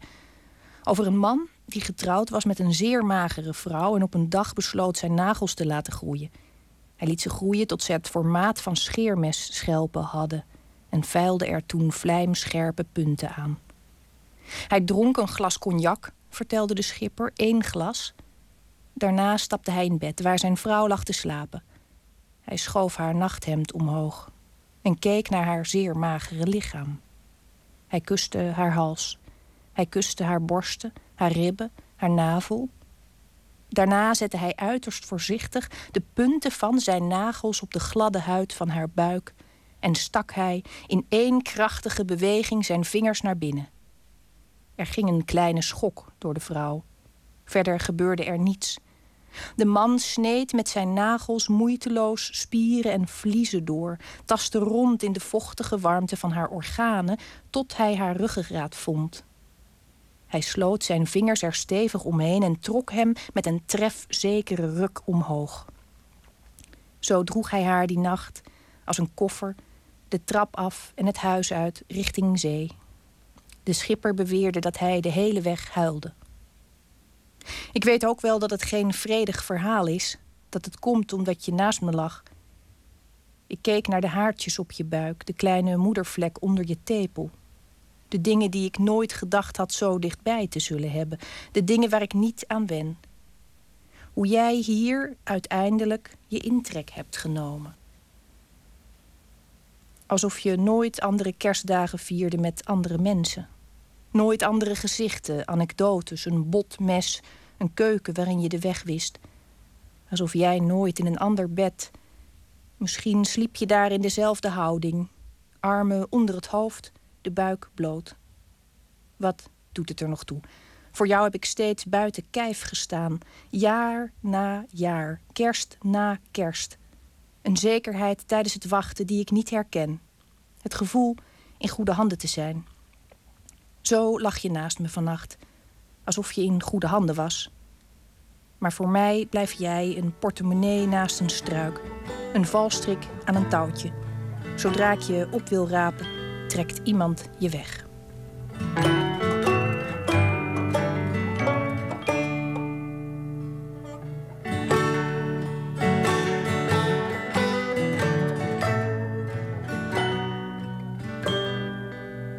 Hoe ben ik op dit idee gekomen? Ehm, zoals de meeste dingen die ik schrijf, heb ik het niet bedacht. Het is eigenlijk min of meer waar gebeurd. Een collega van mij, ehm, toen ik nog in de gevangenis werkte, die had deze fantasie over het eh, laten groeien van zijn nagels en het eh, hebben van een zeer magere vrouw. En eh, dat is me altijd bijgebleven. En ik kon me voorstellen dat je juist rond kerst dit soort ideeën weer boven ziet drijven. Vredig en al.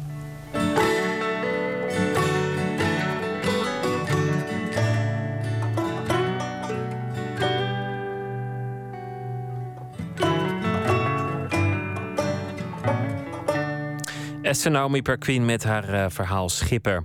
Alle kerstverhalen zijn eh, terug te lezen via de VPRO boekensite vpro.nl slash boeken.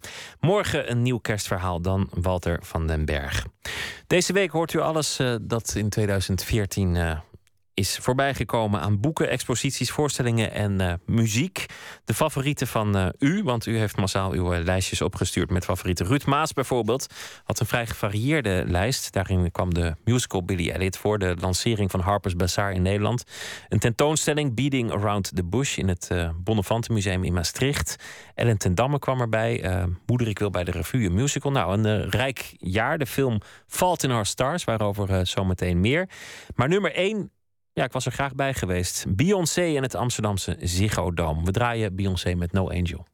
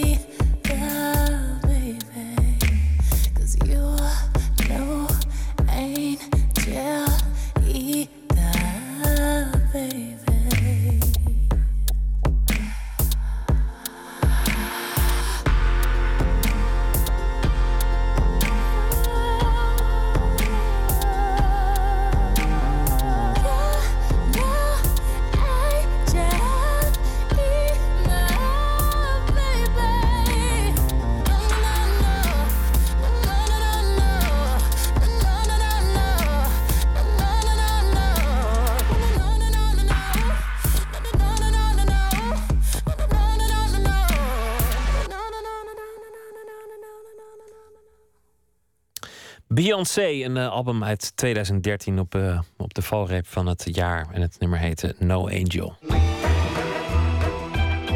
Nooit meer slapen. Vijf homo's denken dat ze leuk moeten zijn. Dat is eh, de headline van de voorstelling Stand Up, Lie Down. Op het podium staan drie mannen en twee vrouwen, allemaal homo. En ze vertellen over het leven dat ze met hun geaardheid beleven. Of het nou leuk is of niet. Een verslag van Botte Jellema. Bij binnenkomst draait dit discodeuntje. Het is een klein stukje uit de hit Hot Shot van Karen Young. Een discohit uit 1978. En dat kleine stukje blijft eindeloos herhalen. We komen nooit echt verder. Het is het begin van de voorstelling Stand Up, Lie Down van de groep De Gemeenschap. Die bestaat uit vijf memespelers, bewegingstheatermakers... onder leiding van Roy Peters. Twee dames en drie heren. Ze hebben allemaal een monoloog over hun leven als homo. De spelers worden bij hun eigen naam genoemd... en zijn ook in het echte leven homo. Ja, hallo. Ze staan voor een enkele microfoon... en alles lijkt op stand-up comedy. Dames en heren, een lach en een traan. Hier komt dan eindelijk Zevenhuizen.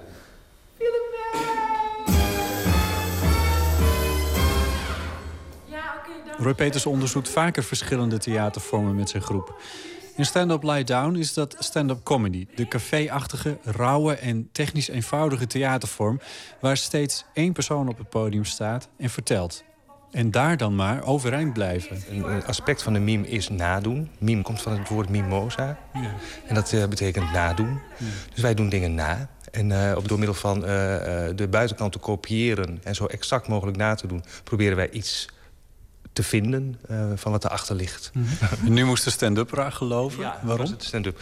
Nou ja, ehm, omdat me dat interesseert. eh, omdat het zo heel erg gaat over je staande houden in deze eh, maatschappij. Dat is ook de humor. Dus door middel van grappen je ook staande te houden wat je... Ja, zeker. De groep deed inspiratie op door naar een Amsterdam stand-up comedy podium te gaan. Het is eigenlijk best wel hard. Of wij zijn heel veel naar Toemler geweest om het af te kijken. Ze gebruiken altijd zichzelf en verhalen van zichzelf. Of zo lijkt het in ieder geval om, om grappen te maken. En Ja. het is vrij hard. Het is ook een podium waar mensen naartoe kunnen gaan als ze begi- willen beginnen en het willen proberen. Absoluut. Dus je, je ziet, je ziet er ook veel mensen afgaan. En dat is pijnlijk en ontroerend tegelijkertijd. Dus daarom, ja, dat is, daarom is het, het is een ontzettende kwetsbare vorm van entertainment. Nou ja, het is, eh, wij zijn een paar keer dus naar Toemler geweest. En dan heb- eh, hebben we toch het gevoel eh, gehad dat het een soort... de meerderheid die eh, lacht om grapjes over minderheden. En, In Toemler? in Toemler, ja. En dan gewoon de stand-up over het algemeen. eh, het zit zo in elkaar. eh, het besje, dat eh, dus minderheden eh, afmaken. En daar Wie met kregen, er het, wie kregen er het meest van langs dan? Homo's. Elke keer als we er waren, waren altijd homograppen. Altijd standaard. Ik, ik vond het ook echt een heel hetero gebeuren. Ook al de mensen die daar zijn, zijn, al, het zijn allemaal hetero-setjes. Ook heel veel jongens die daar met hun vriendinnetje voor het eerst naartoe gaan. Het is natuurlijk entertainment. Je kan er bier bij, bij drinken. Het is ergens ook een ongevaarlijk avondje uit. Nam jij de aanstoot aan? Ja, eigenlijk ja, wel. Maar tegelijkertijd denk ik van ja, ik moet niet flauw zijn of zo, weet je wel. Dus, maar het raakt mij wel. Ja, het ra- raakt mij altijd. Ja. Maar ik, ik eh, lach als een boer met kiespijn. Dus eh, ja. In deze voorstelling vindt een interessante omkering plaats. De homo's vertellen met stand-up als theatervorm, vertelt acteur René Geerlings. Het zijn eigenlijk best wel allemaal eenzame types die je ziet op de vloer. En ook nog allemaal homoseksueel. Dus dat eh, gebruiken ze ook eh, om, eh, om daar veel grappen over te maken. Dus het ge- gebeurt op een hele vrolijke, leuke manier. Maar wat ze vertellen, is er zit wel een zuur, randje aan. Maar. En dat zure randje komt voort uit het ongemak dat de personages ervaren als het over hun geaardheid gaat. De teksten zijn geschreven door toneelschrijver Rob de Graaf. En de monologen bestaan dus niet uit de werkelijke belevenissen en meningen van de spelers. Maar, zo vertellen ze, het zou zo kunnen zijn. Om en om komen ze naar voren voor hun stand-up. Willemijn bijvoorbeeld. Ze begint haar verhaal lieflijk met het oproepen tot gemeenschapszin. Ik is dood. Dat is mijn stem. En nu moet het alleen nog maar gaan over wij. Verder in de voorstelling wordt ze minder verzoenlijk. Met name mannen moet ze niets van hebben. Ze houdt een fel pleidooi. Ja, dat is wel een, denk ik een beetje pleidooi uit de situatie van eh, eh, de minderheid. En, en dat je dat, eh, die minderheid superieur verklaart, zeg maar. Dat is wat ik daar letterlijk doe.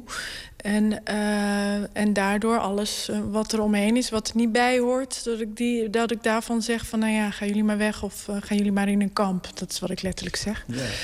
Uit- uiteindelijk roep je op voor een eh, Pink, wat was dat nou? Pink Paradise. Pink Paradise. Ja. Pink Waarin iedereen homo is. Eigenlijk, ja. Pink apartheid was het Ja. woord. Ja. Is dat iets waar je zelf voor zou pleiten? Eh, nee, maar ik snap... Nou ja, goed. Eh, een soort van gevoel van superioriteit. Ja, het is misschien heel eh, privé, denk ik. Eh, dat kan ik soms wel voelen als homo. Omdat je zo bewust anders bent. En ik heb dat vroeger best wel lastig gevonden ook. Maar op een gegeven moment denk je... oh, het is eigenlijk ook wel, zit eigenlijk ook wel lekker deze jas. Ik vind het eigenlijk wel prima. En ik zie ook allerlei voordelen. Of ik vind het ook juist goed. Of... Dan kan je jezelf soms ook een beetje soort upliften, zeg maar. Trots? Ja, ja. Nee,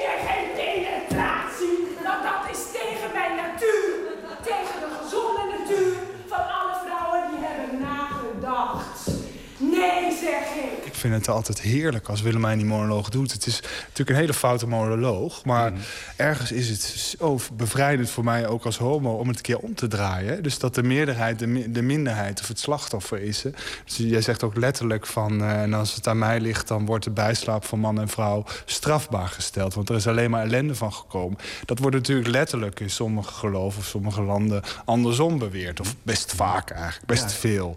Dus het is, het is voor mij zo bevrijdend op het toneel om dat dan even om te draaien. Het stuk nuanceert een hoop. Bijvoorbeeld het algemene idee dat het in Nederland wel klaar is met de acceptatie van homo's en homoseksualiteit. En het doet dat met kleine anekdotes. Die vrouw van de drogisterij bij mij in de straat, die kijkt mij nog steeds zo vies aan als ik wel eens iets kom kopen. De zin die, waar jullie eh poster mee, eh, mee opent, en dat is... ehm, vijf homo's denken dat ze leuk moeten zijn. Vind ik een mooie zin. Maar hij is ook eigenlijk heel schrijnend. Ik, ik merk dat wel, of ik heb dat zelf, of dat is ook wel een beetje mijn personage ook wel. Dat je toch ook als homo het gevoel hebt dat je iets moet compenseren als je opgroeit. Dus dat je of extra grappig moet zijn, of extra vriendelijk, of extra leuk. Zodat je je homoseksualiteit, dus je afwijkendheid, eh, gaat compenseren. En dat is eigenlijk een beetje mijn rol. Dat is een vrij sneu type, want echt grappig is het allemaal niet. Maar hij probeert wel heel erg te behagen. En dat is wel iets wat ik herken. Ja. Ja? Dus dat, dat is ook een beetje, als, tenminste ik heb dat wel als homo, dat je dan eh, leuk moet zijn of iets. Ja. En, en wat ik ook daar nog bij wil zeggen, wat zo fijn is aan de teksten van Rob, eh, die sparen ons ook niet, zeg maar. Wij zijn niet de meest slimme types, zeg maar. Dus het is, we komen er allemaal niet goed van af. Dus het is niet zo van eh, homo's zijn de, het beter dan hetero's. Het is totaal, want het zijn eigenlijk vrij oppervlakkige types die het dan over iets meta willen hebben, maar uiteindelijk altijd wel weer over zichzelf gaan praten. Willemijn is er dan een heel goed voorbeeld van. Maar wat ik, dat is wel leuk dat je dat zegt, want het viel mij ook op dat er van die kleine speldenprikjes in zitten naar eh, andere minderheden. Ja. Dat is ook een deel, denk ik, eh, waar de voorstelling naar mijn idee ook over gaat. Van dat je in je, hè, je strijden voor je minderheid of voor je, de groep waarbij je bij hoort... dat je in die strijd gewoon ondertussen ook allerlei andere nog klappen Ja, ja. uitdeelt. Wat eigenlijk helemaal niet eh, in eerste instantie het doel is. Bijvoorbeeld het personage Floyd, een twintiger. Hij praat over zijn relatie met een oudere man. Hij vertelt in eerste instantie heel open over zijn leven en de beslissingen daarin. Hij maakt een ongekunstelde en rechtschapen indruk. Maar naarmate hij meer over zijn leven vertelt, komen er subtiel dingen voorbij die hem een stuk minder open-minded maken. Het verhaal van in de trein, dat hij zeg maar een beetje gepest wordt door eh, ja, eh, buitenlandse meisjes. Van die meiden met hele smalle jeans waren, die net iets dikker dan mooi ze zijn geweest. En of ze van Nederlandse afkomst waren, zou ik niet durven zweren. En ik zeg, willen jullie daarmee ophouden? Niet zo over mij praten moet je, we zijn hier in Nederland. Zegt ook letterlijk van of ze van Nederlandse afkomst waren, dat weet ik niet. En hij heeft het natuurlijk ook over Geert Wilders. Dat is natuurlijk ook zo'n heel zo pro- ingewikkelde problematiek, weet je wel. Dat is toch ook gewoon dat. Ja, dat wordt ook aangesneden, zeg maar. Ja. Net alsof je je bestaansrecht als, als groep eh, ontleent aan het afnemen van het bestaansrecht van een andere groep. Interessant. Ja, zeker. Heb je dan een antwoord op? Eh, ja, dat is natuurlijk vreselijk. Ik ben daar zeker niet voor. Maar eh, eh, ik, ik denk wel dat het veel gebeurt in deze wereld. Wij s- stellen dat aan de kaak, om het zo te zeggen. En ook zeker, denk ik, ook in deze tijd. Wij kletsen heel veel hè, in deze voorstelling.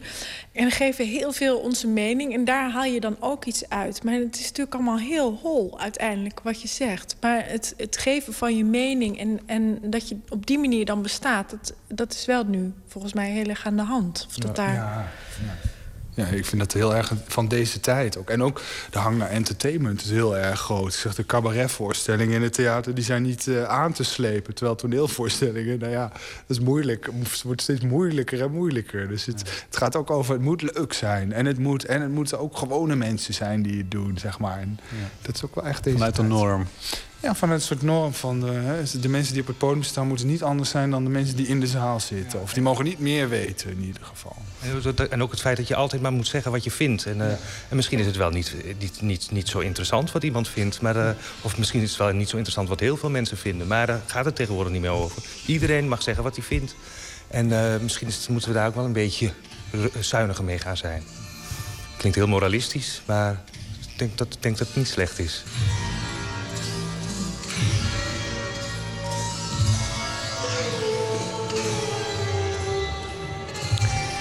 Dus Roy Peters van theatergroep De Gemeenschap. U hoorde ook acteurs Willemijn Zevenhuizen en René Geerlings. De voorstelling Stand Up Lie Down is nog te zien tot eind februari... in theaters door gans het land. Nog een luisteraar die eh, ons een mooie lijst van favoriete plaat van 2014 instuurde was Jeroen Slot. Hij noemde The War on Drugs, een, eh, een plaat die door heel veel recensenten ook genoemd wordt. En waarschijnlijk in heel veel bladen zal eindigen als de beste plaat van eh, het afgelopen jaar. Real Estate kwam er ook in voor. En nog een paar bands die ik eerder gezegd eh, niet kende. En eh, ook de muzieksamensteller die er veel meer vanaf weet, had er niet van gehoord. Dus dat is interessant. De Growlers en Tops bijvoorbeeld. Die laatste die, ehm, hebben we ook besloten maar meteen te draaien vanwege het lijstje van Jeroen Slot. Een nummer van Tops met de titel Sleep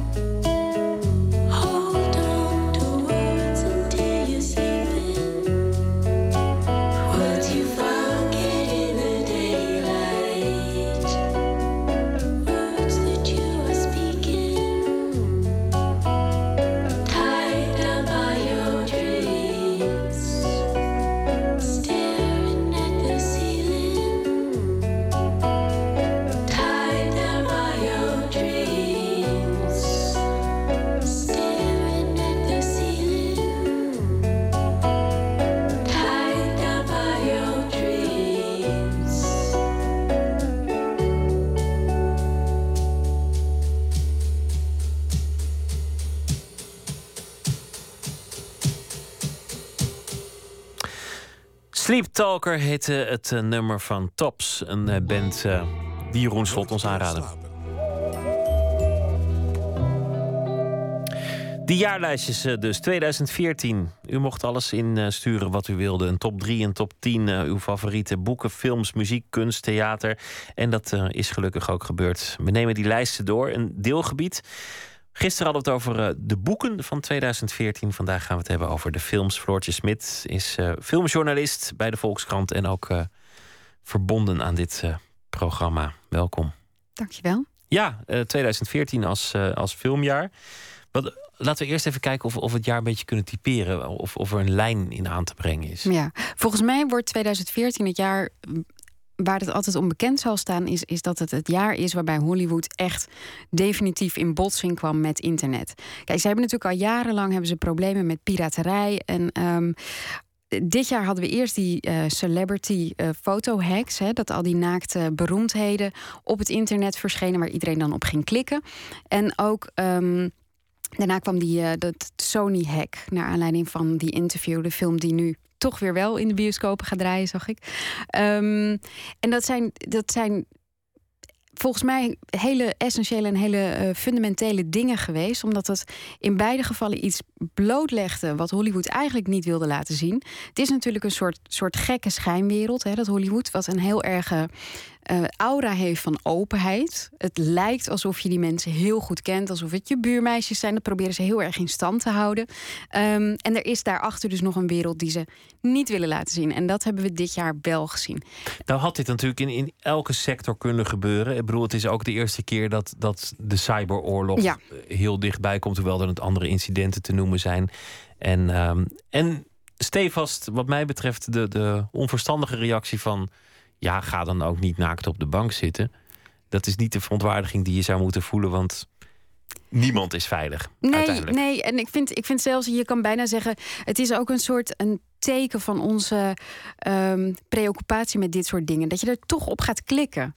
Je weet dat je eh, eh, Scarlett Johansson niet naakt wil zien. Of tenminste, die wil je Nou. natuurlijk wel naakt. Ja, die wil je wel naakt zien. Leer maar je, mannen kennen. Ja. je weet dat je het niet zou moeten doen. Het zijn gewoon foto's. Die, het zijn gewoon gestolen foto's. En hetzelfde geldt voor die mailtjes. Het zijn gewoon gestolen mailtjes. En alles wat daaruit naar voren komt, is eigenlijk iets. Ja, het is gewoon allemaal privé. Waarom moet je het weten? En, en toch hebben wij een soort Pavlov-reactie. Dat als je eh, het titeltje Scarlett Johansson naakt ziet op internet, klik je toch. Ik klik ook. Ik ben niet eens een man, maar ik klik Nee, maar wel. Feitelijk ben je aan het helen en, en eh, werk je mee aan een gruwelijke misdaad. En, en zou je moeten zeggen: ik kijk even de andere kant op. Nou ja, het, het gaat zo snel en ook zo snel met dat internet. En er lekt zoveel uit dat je eigenlijk die pas op de plaats niet meer maakt. En dat is, dat is wel iets. En ik denk dat Hollywood, maar misschien ook. eh, ja, ik, ik vind ook dat je als nieuwsconsument. Ik vind ook dat je als journalist erover moet nadenken. Of er niet ergens een punt is waar je pas op de plaats moet gaan maken. En ik vind, eh, om, eh, om, om Jan Mulder te citeren, dat de ontwerpers van de cloud, die dat zo slordig hebben gedaan, gestenigd moeten worden. Laten we het hebben over ehm, de Leuke films. dingen. Ja. de, de, komt, er, komt er al een gewoon beste film van 2014 meteen bovendrijven? Nou, er is één film waarvan je echt kan zeggen... 2014 is echt het jaar van Boyhood. Boyhood is, ehm, is een film die, die wordt nu ook echt door iedereen geroemd. Iedereen vindt het fantastisch. Ehm, en het is eigenlijk heel opvallend... omdat die film feitelijk niet had moeten werken, denk, denk ik. Op een heleboel punten had het gewoon mis kunnen gaan. Eh, Richard Linklater, de regisseur, die heeft eh, twaalf jaar lang een jongetje gevolgd. Ehm, hij heeft dus een verhaal geschreven dat dus van zijn eh, achtste tot en of nee, ja. Van zijn zesde tot en met zijn achttiende volg je dat, dat jongetje in een gezin. Ehm, en het had, en dan, dan pakt hij elk jaar, filmt hij een week. En dan had hij ook een verhaallijn bedacht en zo. Ehm, alleen als je denkt aan 12 jaar, 12 jaar geleden was er nog geen YouTube. Om, om gewoon maar even te, te laten zien hoe lang dat eigenlijk geleden is. En ehm, ja, je weet ook wat er gebeurt in je puberteit. Het zijn een jongen en een meisje spelen de hoofdrollen. Nou, die, op elk moment hadden die kunnen zeggen van... nou, hier hebben we eigenlijk geen zin meer in. Het gedoe met het gefilm, helemaal, geen, ja, helemaal niet interessant.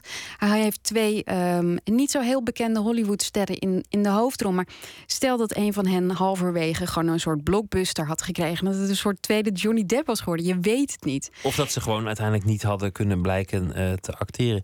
Er Of zijn er had er ook eentje dood kunnen gaan, bijvoorbeeld. Ja, wat Ja. dan, weet je wel? En, eh, en het gekke van die film is ook dat ehm, het is een film zonder hoogtepunten. Dus je ziet niet de eerste kus, je ziet niet de eerste keer seks. Het is allemaal, het is een hele ingetogen film van, nou, hij is heel lang, hij is 2,5 uur. En er gebeurt niks. Maar er zijn ook vervente tegenstanders Ja. van deze film. Er zijn ook, ook recensenten geweest en, en mensen met eh, een goed verstand en goede smaak. Die hebben gezegd van ja, Ik, ik vond er werkelijk geen, geen donder aan. Er gebeurde gewoon helemaal niks. Ja, ja, het is echt een voor- of een tegenfilm. En ik, ik ben maar dat zelfs een kan, beetje. Hè? 2015 wordt het jaar waarin we oneens kunnen zijn zonder meteen een kogelbrief te sturen. Ik denk zelfs dat eigenlijk van alle, alle beste films die we, dit, die we nu strakjes gaan noemen, er zijn ook mensen die echt zeggen: dit was echt verschrikkelijk. Ik snap Luister niet. even naar de, de trailer van Boyhood. Hey, stop! Put the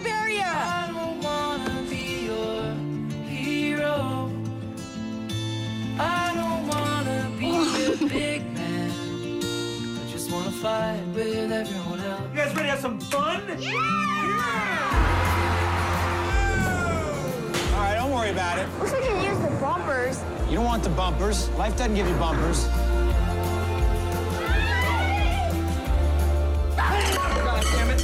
We have a new student joining us today. Aiden, welcome to the suck.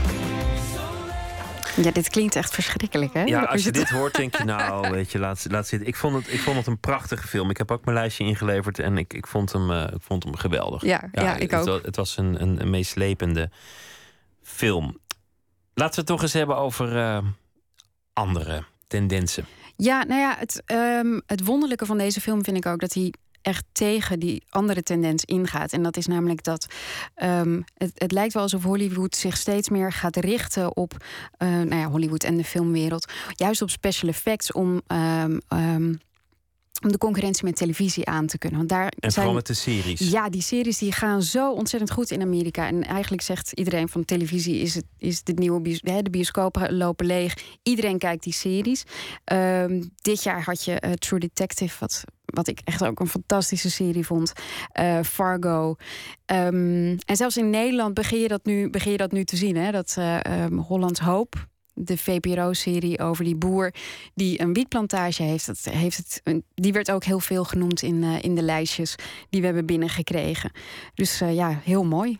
Maar goed, dan probeert Hollywood eh, te reageren met grote films. Ja. Interstellar bijvoorbeeld. Ja. Amusante film, zeg zelf. Zeker, ja, nee, absoluut. En prachtig gefilmd hè, door een Nederlandse cameraman. Ehm, echt, echt schitterend, eh, schitterend gedaan. En je bent in de ruimte. En dat is iets wat je natuurlijk op een, op een klein televisietje niet, eh, eh, niet aangeboden krijgt. Maar je ziet ook aan de andere kant ook wel weer dat juist die verhaallijnen en dat eh, personageontwikkelingen, dat zie je volgens mij aan de andere kant heel erg weer terugkomen. Ook in, eh, in die grote films. Je ziet heel veel.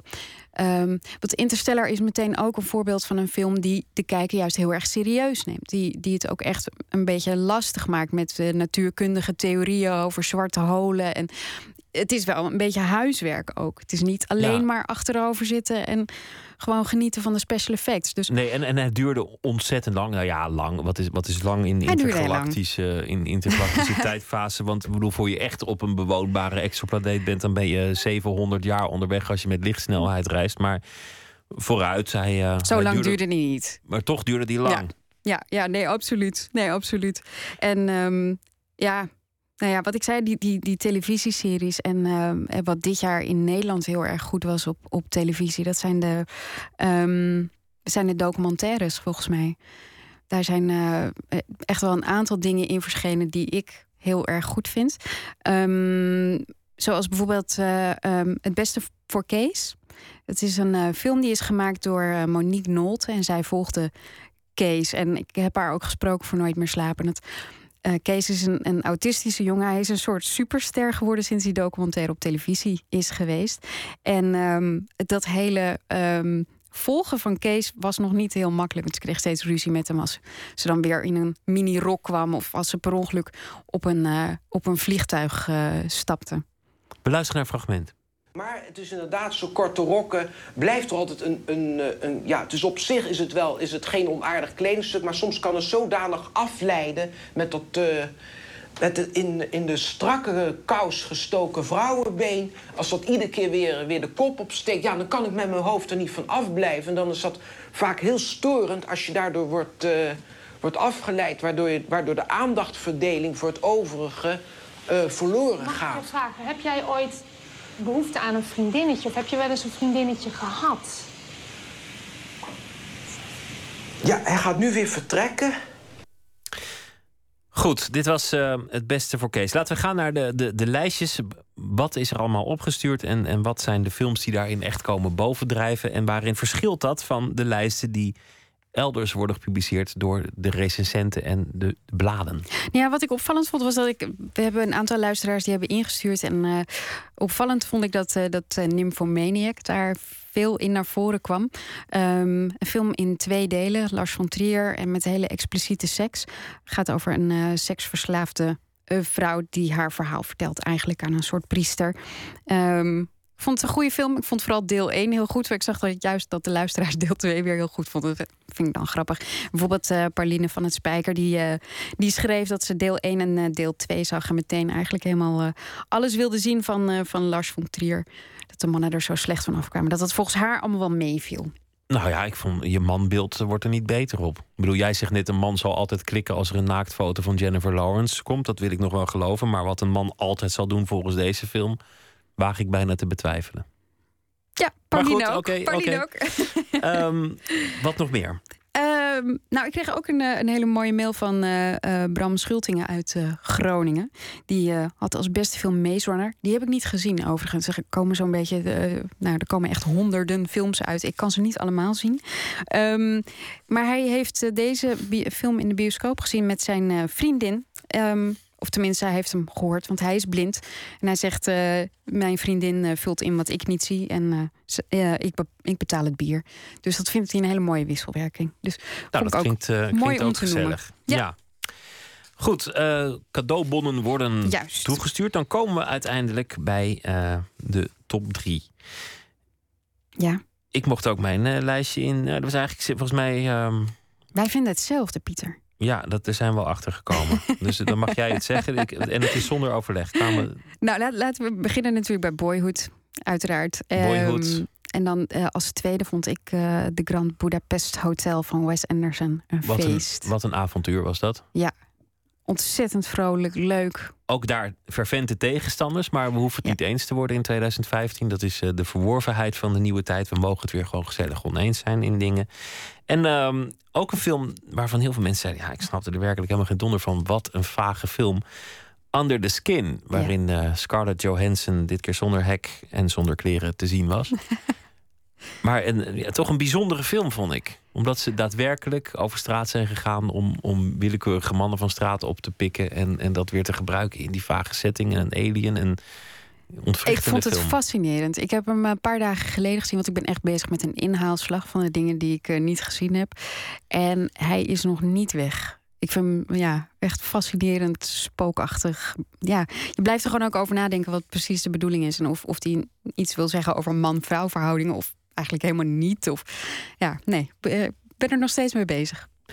Dat zijn eigenlijk eh, de drie films die toch eh, komen bovendrijven. Ja, ik kan nog wel een serietje noemen hoor, maar eh, volgens Nou, mij ik- hebben we daar geen tijd meer voor bijna. En, Nou, ja. er zijn ook een paar dingen die echt ontbreken. Opmerkelijk, die heel veel aandacht kregen. Namelijk bijna niemand mailt over 12 Years a Slave. Ja, bizar hè? Zoveel aandacht. Oscar-winnaar. En, en ik hoorde eigenlijk helemaal niemand over. Dat, Nee. dat viel me eigenlijk eh, op. Winter Sleep van eh, de, de Gouden Palmwinnaar uit Cannes, ook niet genoemd. Nee, dat is toch, eh, dat, dat is toch maf dat dat... eh, Ja, of het is helemaal weggezakt. Hè? Dat waren allemaal films van begin dit jaar. Misschien dat mensen toch, weet je, dat, dat de wat latere films wat verser in het geheugen liggen. Plus dat 12 Years a Slave is natuurlijk heel hard en niet zo prettig om naar te kijken. En Boyhood en Wes Anderson wel. Dat zijn gewoon films die, ja, die draag je gewoon veel meer mee in je hart, denk ik. Juist, de Nederlandse film die, die eh, komt er eigenlijk ook een beetje bleekjes vanaf, heb ik de indruk. Ja, nou ja, Nena is, is, eh, is een aantal keer genoemd. En ik eh, denk dat Supernova ook heel goed is. Maar wat je vooral ziet bij die Nederlandse films... is dat die acteurs, die jonge acteurs... zijn zo ontzettend interessant en veelbelovend. En ja, die kunnen volgens mij bijna alles. Dus dat is echt wel een reden om toch naar die Nederlandse film te blijven gaan. Ik noem er nog eentje, maar die is eigenlijk voor 2015. Die draait eh, nog niet. Die zal in première gaan in, in Rotterdam. Die heb ik al eh, kunnen zien. Dat is eh, de film Timbuktu over de sharia in Mali. Dat klinkt een beetje zwaar. Het is niet dat je zegt, schat, we gaan naar een film over de invoering van Leuk. de sharia in Mali. Maar het is wel een, een, een lichte film, een mooi gedraaide film. En iets waar ik eigenlijk helemaal niet een beeld van had. Hoe ziet dat eruit als de islamitische politie ineens muziek verbiedt en mensen van allerlei dingen gaat betichten en stenigen. Dat gebeurt allemaal wel in die film, maar het wordt. Ja, inzichtelijk gemaakt. En, en er zit ook een, een, verhaal nog in. Een prachtige beelden. Ik was enorm onder de indruk. Dus dat is alvast de tip voor 2015, denk ik. Kijk, heel goed. Floortje Smit, dank je wel. Graag gedaan. We gaan weer luisteren naar eh, muziek van het eh, afgelopen jaar. Eh, die kwam voor in de film Boyhood, die dus vrijwel iedereen noemt als beste film van het jaar. De Amerikaanse band Family of the Year met het nummer Hero.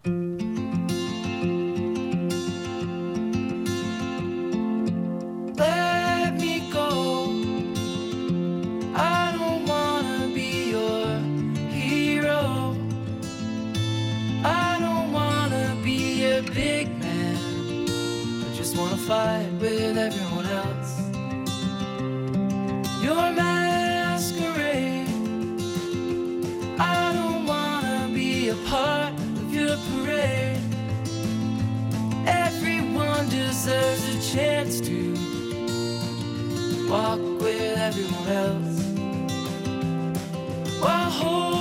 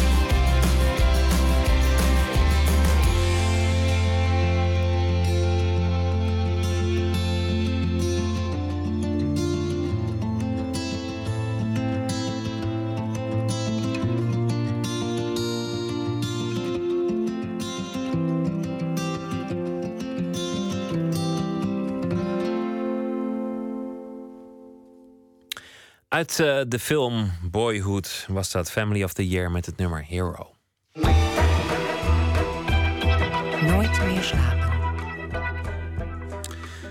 Famba Sharif en Baba Tarawali zijn twee Nederlandse schrijvers met eh, wortels in West-Afrika. Hun thuislanden zijn Liberia en Sierra Leone. Precies de landen waar het dodelijke ebola-virus hard is toegeslagen.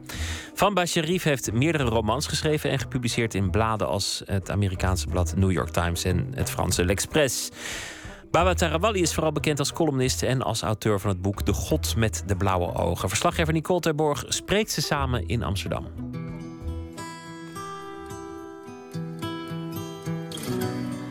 Vraag is altijd, eh, wanneer krijg ik een telefoontje over een familielid die dood is gegaan.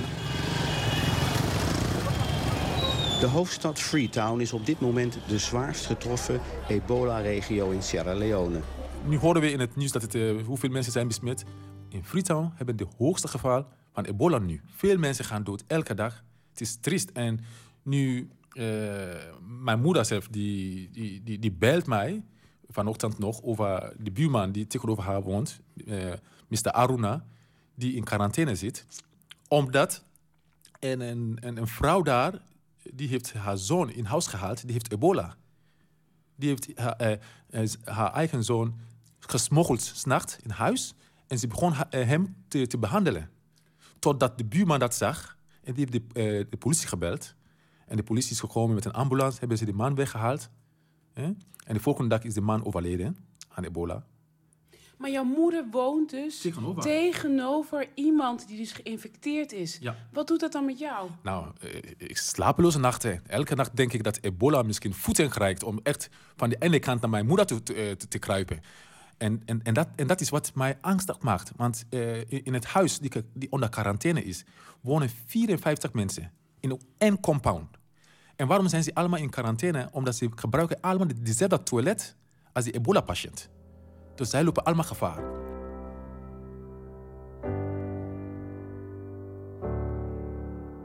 Famba Sharif, meertalige schrijver van onder andere Het Land van de Vaders en Zwijgplicht. En schrijver en journalist Baba Tarawali, bekend van de god met de blauwe ogen. Jullie zijn vrienden en jullie komen beide uit landen waar ebola elke dag de meeste slachtoffers eist. Ehm, hebben jullie ook steun aan elkaar?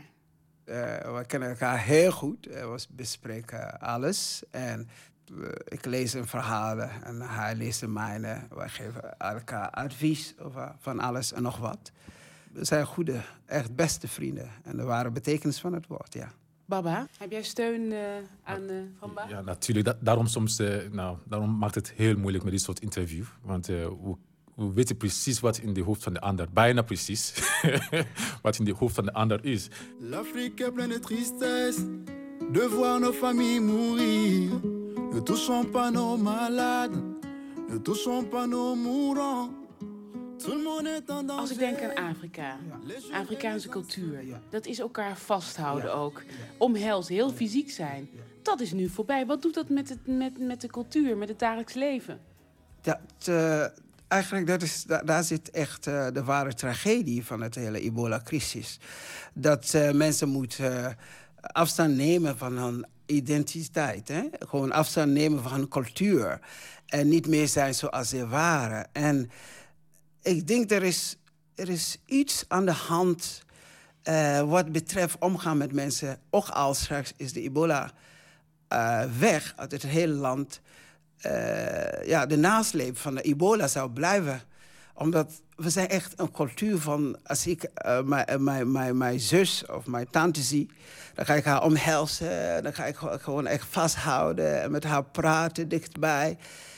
En de vraag is, wanneer gaan mensen weer vertrouwen krijgen in elkaar... en beginnen elkaar weer te omhelzen? En wanneer gaan weer mensen echt dicht bij elkaar liggen... zoals het geval was?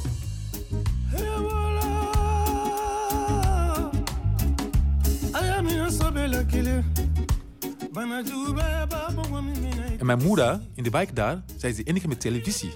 Dus elke avond komen alle kinderen bij haar televisie kijken. Dus mijn angst groeit. Ik bel haar. Stop met de televisie. Laat niemand naar jou toe komen. Afstand van die mensen. En luistert ze naar jou, de oproep om niet eh, de tv aan te zetten... dat alle buurtbewoners bij haar komen kijken? Luistert ze naar jou? Daar ben ik bang voor. Want mijn moeder is eh, iets koppiger. Ze zou wel zeggen, ja, klopt, eh, klopt. Maar dan doen ze iets anders. Net als eh, twee maanden geleden, mijn broer, die al één jaar weg is. Niemand, heeft, niemand wist waar hij was. Ineens duikt hij op bij mijn moeder. Hij komt met zijn koffer. En mijn moeder belt mij op. Ik zeg, nou, laat hem niet binnen. Laat hem niet binnen. Stel voor dat hij ebola heeft. En zegt mijn moeder, maar hij is mijn zoon. Ik zeg, ja, hij is je zoon, maar stel voor dat hij ebola heeft, gaan jullie allemaal eraan. Het is, zoals ik zei ooit, het is erger dan oorlog. Eh, zoals mijn broer zei in Liberia, het is veel erger. Die ebola is veel erger dan oorlog. Ja. Waarom is het erger? Nou, ik denk dat het uh, terugkomen naar wat Van net zei over de impact van ebola op de samenleving, op de cultuur. Uh, ik denk dat uh, wat ebola heeft gedaan, vooral in Sierra Leone, is dat ebola heeft uh, de liefde vermoord. Huh? Mensen houden niet meer van elkaar. Ja, mensen zijn heel hard voor elkaar geworden. Net als wat ik net zei over mijn broer. Dat ik zelf zeg tegen mijn moeder. Laat hem niet binnen. Dat is niet normaal. Het is echt verschrikkelijk. Wat doet dat met jou? Dat je dat moet zeggen tegen je moeder over je eigen broer? Ja, Laat hem niet binnen. Het is, het is, het is, het is proberen te kijken wie moet overleven en wie niet. Als hij ebola heeft, dan kunnen we niks aan doen. Maar laat hem alsjeblieft, niet mijn moeder ook, meenemen. En mijn broers en zussen, die allemaal daar wonen. En alle kleinkinderen die bij mijn moeder wonen. Hij alleen met zijn ebola is in staat om alle kinderen daar te vermoorden. Infrastructuurprojecten, buitenlandse investeringen. Ebola bezorgt de economie van Sierra Leone grote schade. We hebben zoveel ontwikkelingen gemaakt in Afrika. We waren aan het juichen een jaar geleden. Afrika is geweldig nu. Afrika is goed. Komt ebola en die haalt alles uit. hè?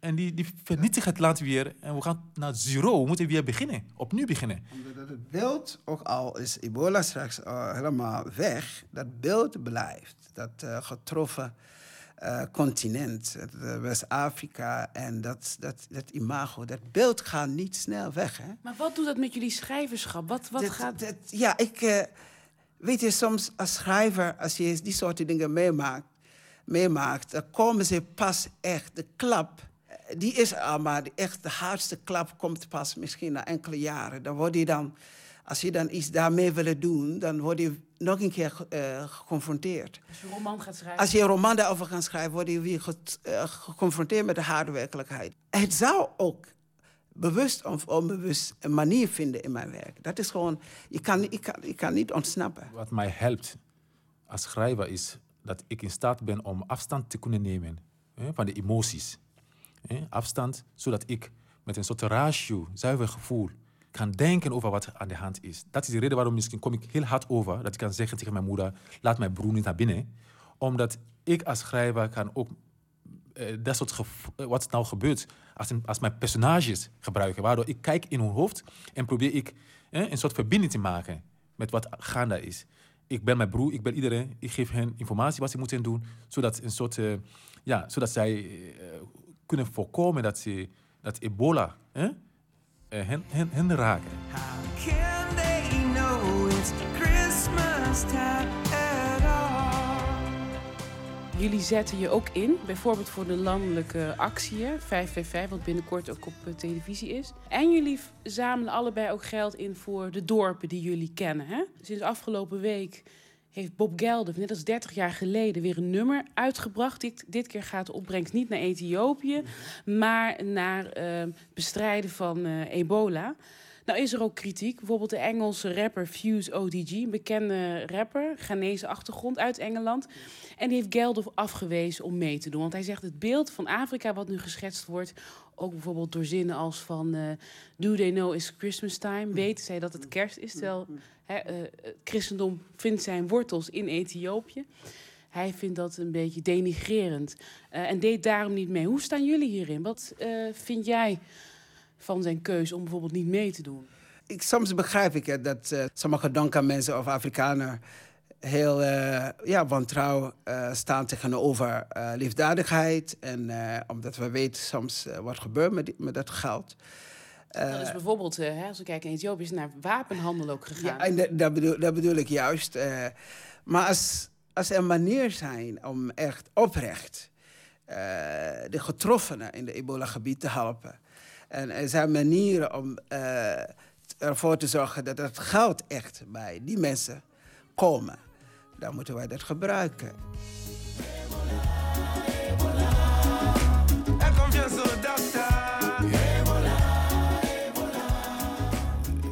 Liedje die we net gehoord hebben, Afrika Stop Ebola Now. Het, is, het, is echt, het heeft mij echt ge- geraakt gelijk. Omdat het een liedje is die niet alleen de gevoel roept van la- laten we iets doen, maar ook de mensen daar informeren.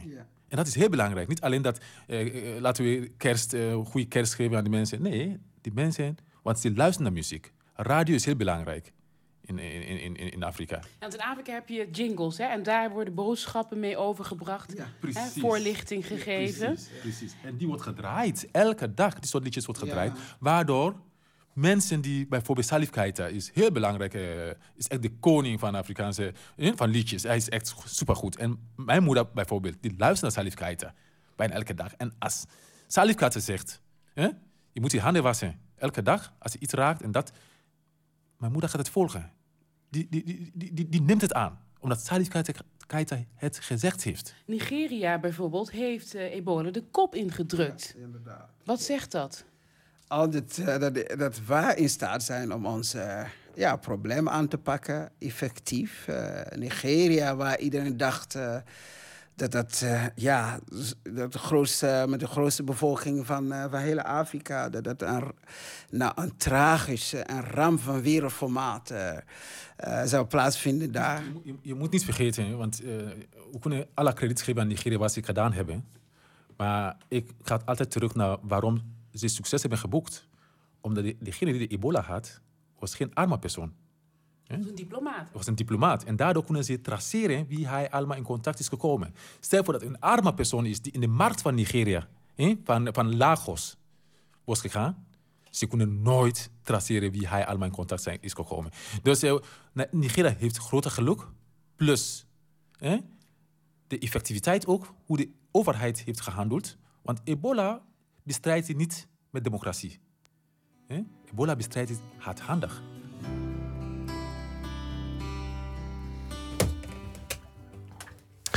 Famba Sharif en Baba Tarawali over eh, hun eh, landen van oorsprong, Liberia en Sierra Leone. Een eh, bijdrage was dat van Nicole Terborg. We gaan morgen verder met Nooit meer slapen. Dan komt schrijver Lodewijk van Oort langs. Verblijft het grootste deel van zijn leven in het buitenland. Sinds dit jaar woont en werkt hij in Italië, in het dorpje Dueno, vlakbij Triest. Onlangs debuteerde Van Oort met de roman Albrecht en Wij, waarin een dierentuin met teruglopende bezoekersaantallen worstelt. Het boek gaat over de vraag hoe de mens zich tot het dier verhoudt. We doen eh, verslag van Kerst en Kaak XL, gebracht door het muziektheatergezelschap Circus Treurdier. Een eh, speciale kerstvoorstelling is dat.